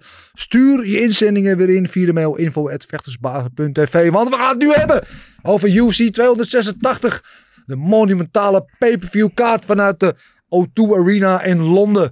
Met Leon Edwards, main event, regerend welterweight kampioen. Die gaat eh, in eigen huis de belt verdedigen. En hij is eh, de eerste Britse kampioen sinds Michael Bisping in 2016 eh, die dat gaat doen. En de tweede in totaal Britse kampioen die, die er überhaupt is. Ehm, dus dat is al op zich historisch. En dat gaat hij doen tegen de ex-kampioen. We kennen allemaal het verhaal. De trilogie. Kamaru Usman. eh, een van de, de beste welterweights ooit. Een van de beste resumes, zo gezegd. Eh, die gaan de trilogie uitvechten. En ik ben echt zo benieuwd. Zo geweldig. Uh, Komen event is er eentje al op voor. Maar gewoon in te lijsten en in het Rijksmuseum op te hangen. Dat wordt gewoon geweldig. Justin Gaethje, wie houdt niet van die man tegen Rafael Fisiev. Ook al zo'n knaller. In de lightweight divisie is dat natuurlijk. eh, en eh, zoals Sander Schrik zou zeggen. Met titelimplicaties. Eh, wat hebben we nog meer? Gunny Nielsen. Good old Gunny Nelson. Tegen Brian Barberina, vriend van Marcel. eh, in de welterweight divisie. Dat eh, belooft ook vuurwerk. Jennifer Maya tegen Casey O'Neill. Ik ben blij dat ze die nog naar de maincard hebben verplaatst. Vanaf de prelims. Dat, die hoort daar zeker thuis. Leuke partij. En de kaart wordt geopend door Marvin Vittori. Tegen Roman Dolice. Dat is weer Georgisch vuurwerk daar bij de opening van die maincard. En de prelims onder andere Jack Shore tegen Makwan Armikani. Chris Duncan tegen Omar Marais. Sam Patterson tegen Janai Ashmov. eh, en eh, de Britse prodigy Mohamed Mokayev. eh, die daar die late prelims open tegen de Braziliaan Jafel Filho. En op de early prelims onder Leroy Murphy. Die eindelijk weer zijn comeback gaat maken tegen Gabriel Santos. En nog veel meer. Eh Mini-Struve, Dusko Todorovic komt ook in actie. Daar verheug ik me ook op. Ik heb een interview aangevraagd met uh, Dusko Todorovic. Alleen alleen maar gewoon dat Stefan hem kan interviewen. Dat lijkt me wel leuk. Heb grote struven en mini-struven. Maar goed, uh, dat gezegd hebben. We gaan het hebben natuurlijk over de gevechten Leon Edwards tegen Kam Kamaru Oesman. De vorige partij was heel eenzijdig. Totdat hij niet meer eenzijdig was. We weten het allemaal nog. Oesman was ruim aan het winnen. En toen was het in, uh, met een, ongeveer uh, minder dan een minuut te gaan in die vijfde ronde. Headshot, dead. Edwards, kampioen. Nu komt hij met de belt naar huis. Nu mag hij hem gaan verdedigen in Londen. En nu gaan wij met z'n allen vol bespreken wat wij denken wat er gaat gebeuren. Um, ik ben heel benieuwd. Gilbert, wat denk jij dat er gaat gebeuren? Ja, twee dingen. Ja. Of de ene of de andere wint. Um, Zo. Dat is goed, hè? Nou. Ik heb over heel hard over nagedacht. Nee. Um, We noemen hem voortaan Obvious Gilbert. Ja, Leon, Ed, uh, uh, Leon Edwards deed het gewoon goed in de eerste ronde van de laatste, van ja. de laatste partij. En, en daar deed hij zelf uh, Amaro Kamaru naar de grond trok. Ja, ja. En, de eerste officiële takedown tegen Kamaru. Ja, en Stalin deed het in het begin ook goed. Totdat Kamaru eventjes een paar standjes beest zette. En toen de partij naar zich toe trok. Tweede, derde, vierde, vijfde ronde tot een wat minuut voor de partij. Um, ja, en toen nam Leon het over met het, de, de, de, ja, de jongensdroom trap om de wereldkampioen te worden. Lang verhaal kort. Ik denk dat dit gewoon. Uh, of Leon. Die heeft zoveel vertrouwen gekregen. En met het Engels publiek. Gaat hij op en over Amaro heen. En dan doet hij dat in twee rondjes. Zo. Maar helaas ben ik toch bang dat eh eh, eh, Oesman het een hele saaie partij gaat maken. Ja. En die gaat drie minuten, vijf ronden lang bovenop eh, eh, en tegen eh, Edwards aanstaan. En die wint dan de partij op punten. Er zijn een paar factoren waar ik heel eh, benieuwd naar ben die, die een, een rol spelen. Dat is ten eerste hoe is het met de fysieke gesteldheid van Kamaru. Want eh, hij is onder andere aan zijn hand geopereerd. Eh, maar vooral, eh, ja, ik heb het gevoel dat hij al een tijdje op geleende tijd leeft. Om maar even een Engelse uitdrukking in het Nederlands te vertalen. Dat hij, kijk, hij heeft twee kapotte knieën. Het schijnt dat hij zelfs ook niet op een, op een loopband kan staan. Dat hij al zijn conditie op zo'n airbike doet. Omdat zijn knieën gewoon kapot zijn, versleten zijn. Van jarenlange worstelen, grinden, doen zo. Ehm, en dat hij, nou ja, elke keer zichzelf wel weer net genoeg oppept voor een titelgevecht. Hij doet nog steeds geweldig. Ik zeg niet dat hij uh, washed is, absoluut niet, dat zeg ik niet. Maar ik ben benieuwd wat dit dan met hem gedaan heeft. Het verlies, dat doet mentaal natuurlijk ook wat voor je als je zo lang de kampioen bent geweest. En de belt kwijt bent, je bent bezig van de prooi weer de jager. Uh, dat kan verfrissend werken, maar dat kan, ook, kan je ook uh, zeg maar uh, drie rijen achteren slaan, om zo maar uit te drukken. daar ben ik heel benieuwd naar. hoe die daarvan terugkomt. Heeft hij nog de fitheid? Heeft hij nog genoeg kracht ook? Zijn de knieën nog sterk genoeg om nog één keer alles eruit te persen om terug te komen? aan de andere kant, Leon Edwards heeft het vertrouwen van een kampioen.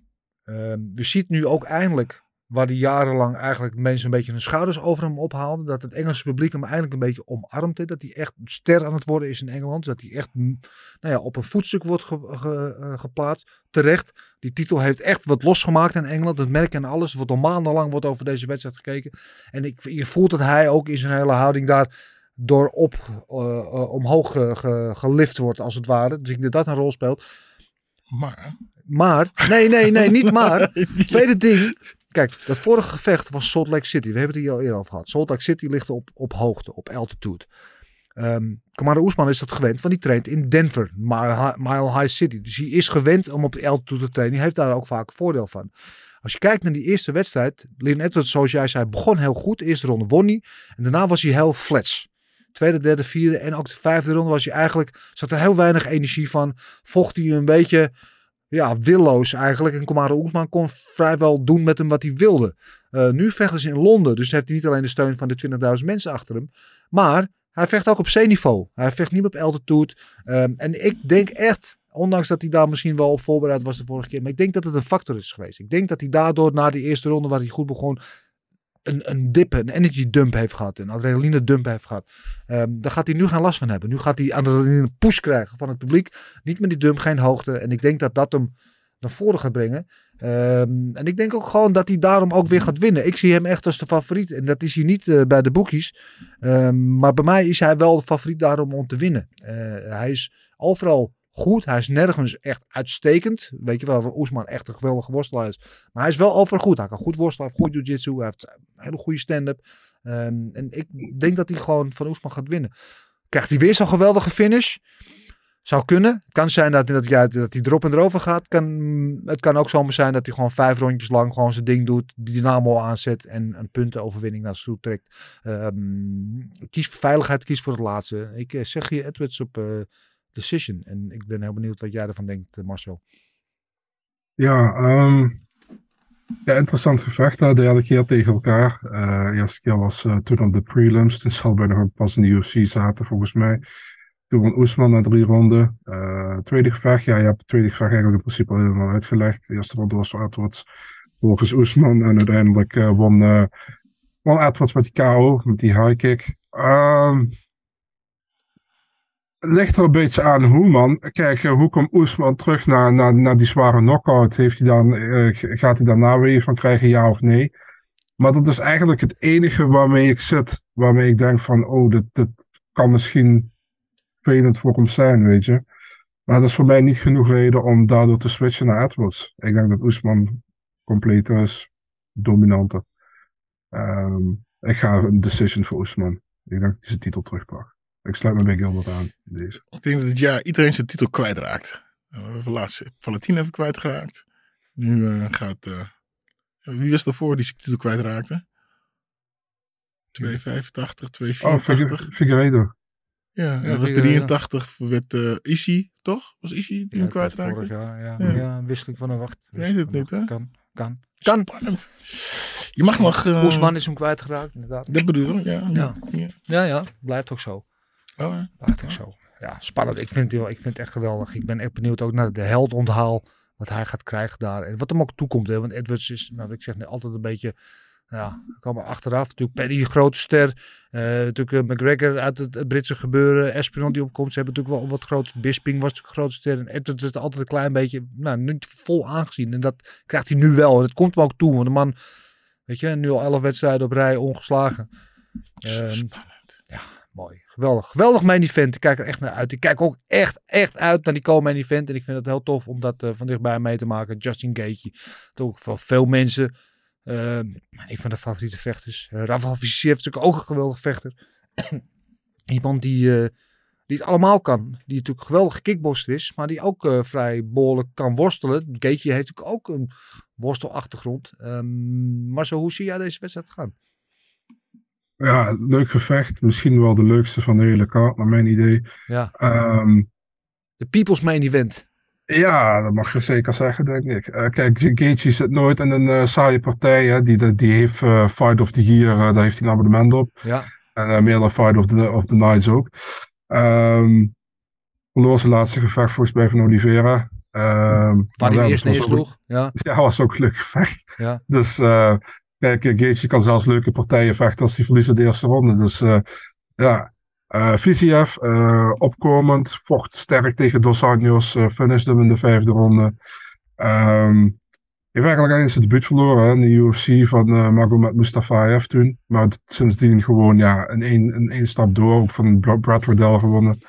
Ehm, ja man, ik, ik denk eerlijk gezegd dat er geen finish komt in deze man, omdat ze allebei super taai zijn. En ik ga voor Viziev een decision hier. Ik denk dat Viziev uiteindelijk wint van Gaethje, omdat hij technischer is op de, op de voeten, denk ik.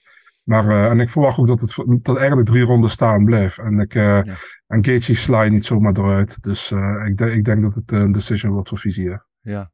Fight of the Night? Ja, 100%. Ja, denk ik ook, ja. Maar, Gilbert, wat denk jij dat er gaat gebeuren? Ja, dat, eh, ik denk dat eh Fischev gaat winnen.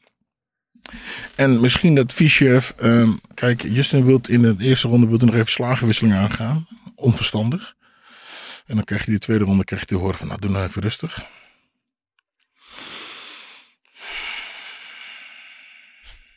Rafael Fischev, die gaat Justin gewoon eruit slaan in de derde ronde. Interessant. Interessant. Ja, ik, ik vind Fischer ook echt fantastisch. Ook een, een van mijn favoriete vechters moment. Ook om, hij heeft, wat ik zeg, hij heeft alles. Hij heeft een hele agressieve vechtstijl, stand-up. Wat hij met Dos Anjos deed. Dos Anjos toch niet bepaald een weggooier. Maar die heeft hij echt in elkaar geslagen toen. Eh, pakte ook de finish daar. Eh, maar Gaethje, man. Gaethje heeft zoveel geweldige partijen neergezet. En als je naar zijn record kijkt, hè, twee, eh, twee van de laatste drie verloren. Maar wel van Khabib en van Oliveira. Lijkt me geen schande. En Oliveira die, die in de eerste ronde ook nog eh, neersloeg eerst voordat hij zelf gefinished werd. Kortom, wat er met hem gebeurt, is altijd bloed aan de paal. Is altijd oorlog, is altijd actie. Er is altijd gewoon eh, ehm, geen tijd om popcorn te halen. Geen tijd om eh, met je ogen te knipperen. Want er is gewoon, ja, er is gewoon, altijd oorlog. En ehm, ik ben echt heel benieuwd. En ik, mijn hoofd neigt ook naar Viziev. Maar mijn hart moet echt voor Gaethje kiezen. En ik ben het maar zo eens. Ik denk dat ze allebei gewoon eh, zo aan elkaar gewaagd zijn. Ik denk niet dat er een finish komt. Eh, dus ik denk dat het decision wordt. Maar ik, nou, mijn hart moet voor Gaethje gaan, man. Ik kan hier niet eh, tegen Viziev eh, kiezen. Kan niet. Kan niet. Ik moet voor Gaethje kiezen. Ik zeg Gaethje op decision. Sorry. Ik zeg het bijna verontschuldigend, hè. Dat is hoe hoog ik Viziev ook heb zitten. Maar ja. En dan die derde partij waar we naar gaan kijken. Dat is de favoriete vechter van Sander Schrik. Eh, maar die heeft wel meer rare voorkeuren. Gunnar Nelson, de IJslandse warrior. Tegen eh, Marcel's eh, beste vriend. De farmer Brian Barberina.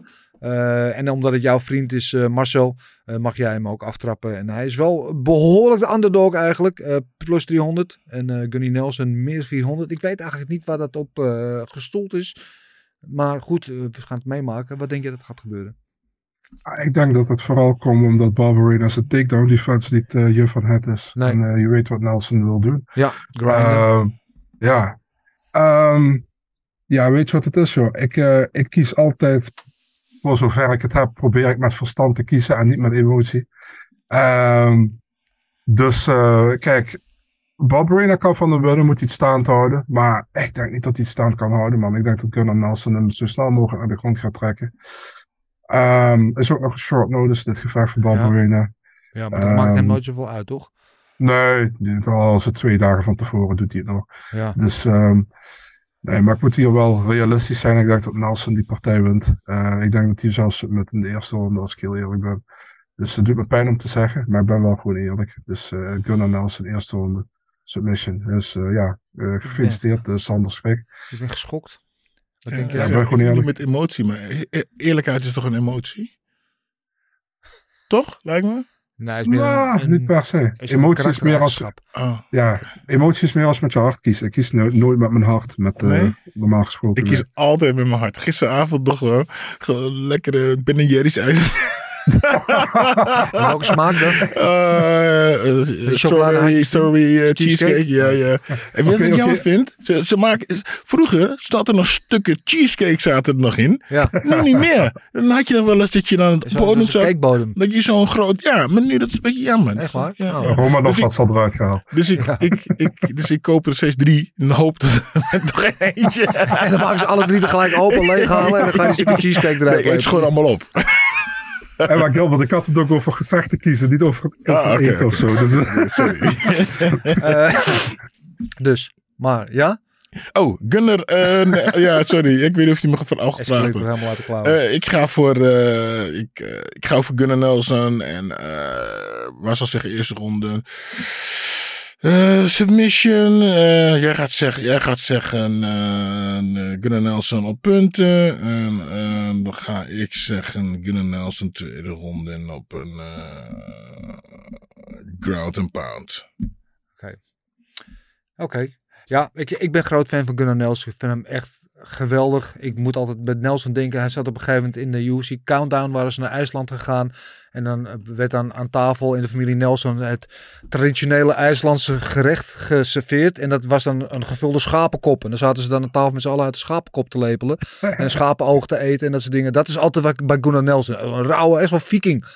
Maar eerlijkheidshalve ehm, heb ik wel een beetje het gevoel dat hij een beetje, dat, ja, dat de er een beetje uit is. Hij, is natuurlijk, nou, loopt al lang mee. Ehm, als je kijkt, die vorige partij was ook in, in eh, Londen. eh, won die van een Sato eh, op de decision. was een hele matige partij eigenlijk. Was eigenlijk ja, misschien wel de minste partij van de avond. Heb ik niet van genoten van die wedstrijd. Daarvoor verloren van Burns, daarvoor verloren van Edwards. Ehm, de Gunnar Nelson, waar we allemaal zo enthousiast over waren, die hebben we al een tijdje niet gezien. En ik zeg niet dat die niet terug gaan komen. Maar ik ben bang dat het eh, een beetje verleden tijd is. Hmm. Zeg ik met respect, want ik heb Wat hem echt hoog zitten. Eh, maar ik ga hier wel voor, eh voor Barbarina. Barbarina is altijd aan. Gaat altijd oorlog brengen. Mr. Bob Barbarina. Ja, Mr. Bob Barbarina inderdaad. Ehm, ik kies hier voor Barbarina. Eh, gaat hij hem finishen? Ik denk het niet. Maar ik denk wel dat hij de decision pakt. Dus ik kies hier voor Barbarina. We moeten gokken op knokken. Gokken op knokken doen. Gokken, want jij gaat gokken. jij gaat gokken knokken. Kan alle kanten op. Eh, goed jongens, dat zijn onze voorspellingen. Oh nee, we doen Nee, natuurlijk de hele mainkaart. ja, hè? ik wil We gaan nog even door. wil Sorry. Ik afstand me de Jantje van. Leij eh, van afmaken. Jennifer Maya tegen Casey O'Neill. Casey O'Neill natuurlijk eh, eh, groot talent eh, daar in die, eh, in die flyweight divisie. Komt terug van een zware knieblessure. Ben heel benieuwd hoe dat is. Jennifer Maya is natuurlijk no slouch. eh, alle keer om de titel gevochten. Ging niet zo goed, maar toch. eh, voor niemand een makkelijke tegenstander denk ik. Plus 150 is hij wel de underdog tegen min 175. Casey O'Neill, King Casey O'Neill. Vind ik wel een geweldige bijnaam trouwens voor een vrouw. Gilbert, jij eerst. Wat denk je dat gaat gebeuren? Ja, ik denk dat Casey dit gaat winnen op punten. Dat wordt een saaie partij. Casey, die wil natuurlijk rustig aan aan zijn knie. Bla bla bla bla bla bla bla. ik denk, ik maak een mooi verhaal van, maar nee. Ik voor Casey O'Neill die wint op punten. Bla bla bla bla bla bla bla. Mooi verhaal. Eh Marcel.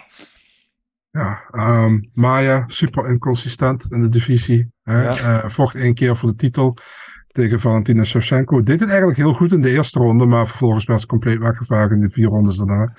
Ehm Casey O'Neill, goed tot nu toe in de UFC, maar wel tegen matige tegenstand. Behalve de laatste tegen Roxanne Modafferi.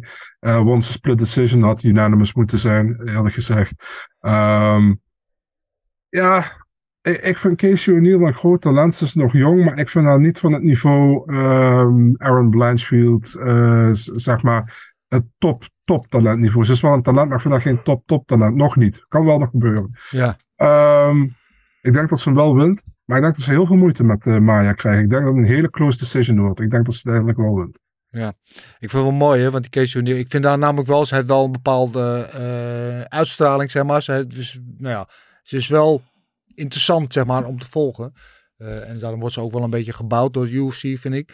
Eh Ariel Helwani in zijn eh, podcast, die had het, dan niet over die, had het over de nieuwe generatie flyweights. En nu Shevchenko de, eh, titel kwijt is, Alexa Grasso, eh, Tyler Santos, eh, Aaron Blanchfield. En toen had uh, Casey O'Neill had Helwani geappt van hoezo noem je mijn naam daar niet bij? Want ik eh, kom er toch ook aan. Oh ja, oké. nou, dus, dus zij ziet zichzelf, ze, is, ze barst altijd van het zelfvertrouwen. Ze is ook nog eh, ongeslagen in de carrière. Wat Marcel zegt, inderdaad ehm, wel tegen lagere garnituur eh, tegenstanders. Maar goed, je moet jezelf ergens omhoog werpen. Ik ben vooral heel benieuwd om te zien hoe ze terugkomt naar die zware knieblessure. Hoe, ja, of ze er weer eh, 100% in gelooft. Of ze weer 100% alles kan en zo. Ehm, ik denk ook dat zij Jennifer Maya, wat nogmaals een hele taaie tegenstander hoor, daar gaat ze niet makkelijk van winnen. Maar ik denk dat zij wel de, de skillset en de energie en de explosiviteit heeft om deze wedstrijd eh, uiteindelijk te winnen. En eh, ik denk ook niet dat ze de finish krijgt. Dus ik zeg ook een decision. Wat zijn we het allemaal weer eens met elkaar hè? Wat leuk. Dit is zo gezellig. Eh, de volgende partij, dat is de opening van de maincard. Dat is eh, Marvin Vettori, de grote favoriet in deze wedstrijd. eh, de min 300 tegen de underdog Roman Dolice. Maar, Marcel Dorf, is dat terecht? ik wist dat je mij deze als eerste ging vragen. Ja, waarom? Omdat het de moeilijkste is. Eh, ik vind deze Ja, ik vind althans het de niet zo moeilijk hoor. Nee, vind jij? Nou, Nee, ga jij als eerst. Nee, ik vind het niet zo moeilijk. Ik, ben, eh, ik zit namelijk wel op die eh, Roman Dolice eh, hype train. Ik bedoel, de laatste, wat heeft hij de vijf heeft hij of zo gewonnen? Vier heeft hij Mhm. gewonnen. Die laatste wedstrijd tegen Jack Manson. Natuurlijk ook een voormalige contender. In ieder geval iemand die al een tijdje in die top 10 staat. Ja, was eigenlijk kansloos tegen hem. Daar maakte hij gewoon eh, gehakt van. Eh, en, en Marvin Vettori is natuurlijk iemand die niet spectaculair vecht, maar die voor iedereen is groot, sterk, go- goed worstelen, kan een beetje kan kickboksen. Maar het is niet, ja, het, het is geen, eh, hoe zeg je dat? Het ligt niet je vingers erbij of bij zijn vechtstijl, om het zo maar even uit te drukken. Dat heb ik met Dolice wel. Dolice vind ik echt gewoon geweldig. Kan eh, staand goed. eh, op de grond spectaculair. Eh, hoe hij dat met de mensen eh, uiteindelijk deed. Was echt eh, subliem. Eh, ik denk dat hij gewoon ook van Vittori gaat winnen. Of hij hem finish, weet ik niet. Want ik, ik voorzie dat het een avond wordt met veel decisions eh, eigenlijk. Eh, maar dat wil niet zeggen dat zij partij zijn. Eh, maar ik denk dat hij wel gewoon uh, Vittori drie rondjes puntjes afpakt. En gewoon wint hier. Zal ik dan gaan? Dan kan Marcel nog, Kan Marcel nog even nadenken, Je ja. natuurlijk expert, expert van je. Eh ex nou goed. Ehm, nou, kijk, ik denk dat die Roman, Roman gas gaat geven de eerste ronde. En de tweede ronde. Maar hij kan eh, Marvin er niet uit eh, slaan. Want die trekt hem gewoon lekker naar de grond. En, eh, en nou, vanaf het einde tweede ronde wordt hij moe.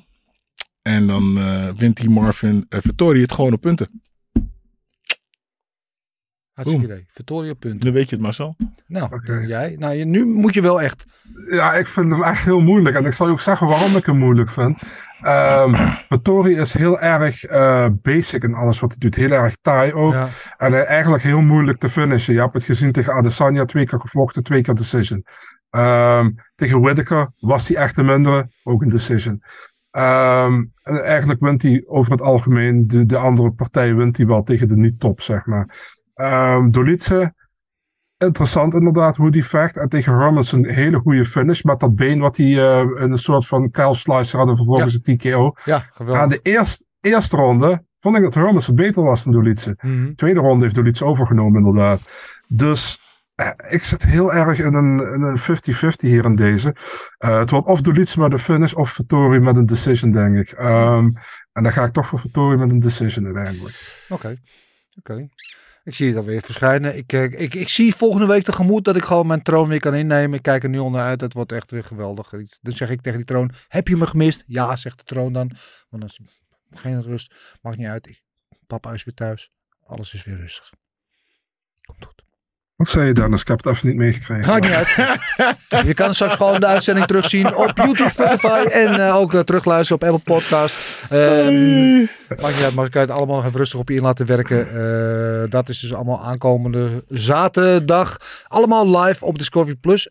En op Eurosport. Dus als je niet een abonnement hebt, geen nood. Je kan het gewoon op het open kanaal zien. Vanaf eh 9 uur de preview show op Eurosport. En vanaf, 9, eh, vanaf 10 uur de main card. Oh, dit moeten we eventjes. Dus op moeten, dit is eventjes voor. Sorry, voor Ja. Christy.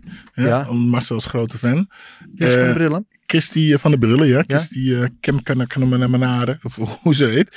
Die, eh, die wil graag UFC kijken. Ja, Maar die weet niet waar haar Eurosport zit. oké. maar je kunt gewoon op Eurosport zien, toch? Ja, onder de E. Ja, onder de E van Eurosport. Eh, dus eh Christy, speciaal voor jou.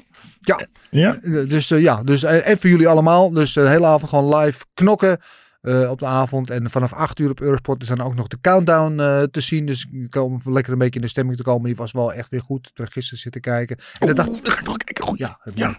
Eh, en de dag ervoor, dus vrijdag 17 maart, is er Cage Warriors eh, in Londen. Dat doen ze traditioneel als UFC daar is. Dan eh, zitten zij in eh, de Indigo. Dat is het kleine theatertje recht naast de O2 Arena. En dat is dan weer te zien op Discovery Plus. Waar we commentatoren Richard Simon en Andy Sauer hebben. Dat vind ik ook, Oh, heel- dat vind ik ook heel leuk. En dat is met Jordan Fushinic onder andere in de main event tegen Ferranti. En dan is er vrijdag ook nog One Championship vanuit het Lumpini Stadion. met onze eigen champ champ. Regian Eersel, die daar eh, weer zijn eh Muay Thai eh, titel gaat verdedigen. In een rematch weer tegen Sinsamut. En daar ben ik ook heel benieuwd. Kunnen we dat ook ergens zien? Eh, One Championship is volgens mij gewoon eh, op YouTube te zien, of niet? Ja, niet meer. Daar moet je tegenwoordig moet je voor betalen. Oh. Ach, jongens. Crap. Oké, nou. Shitballs. Maar ik ben toch in uh, zit ik bij Cage Warriors, dus eh, wat dat betreft. Goed, ehm, we zijn er doorheen. Jongens, wat er veel te bespreken. Ik heb weer genoten van jullie. Ja, ik ook. Dat echt gezellig. Ja, is heel Ja. gezellig. Ik hoop dat eh, onze barmhartige Kenneth nog even wat chocola wil halen. Zo.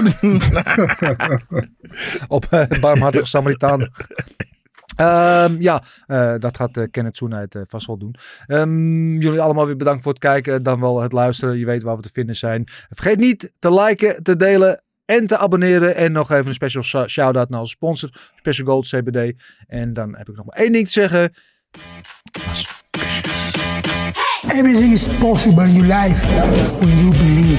I'm not God or none, but I just baptized two individuals back to back. You, you know, they're, they're selling you all wolf tickets, people. You're eating them right up. Just give me location. Every day I send Dana White message. Hey, where's my location? Hey, pussy, are you still there? I wouldn't like to do that fight again. Oh, Go around there, where's the finance at?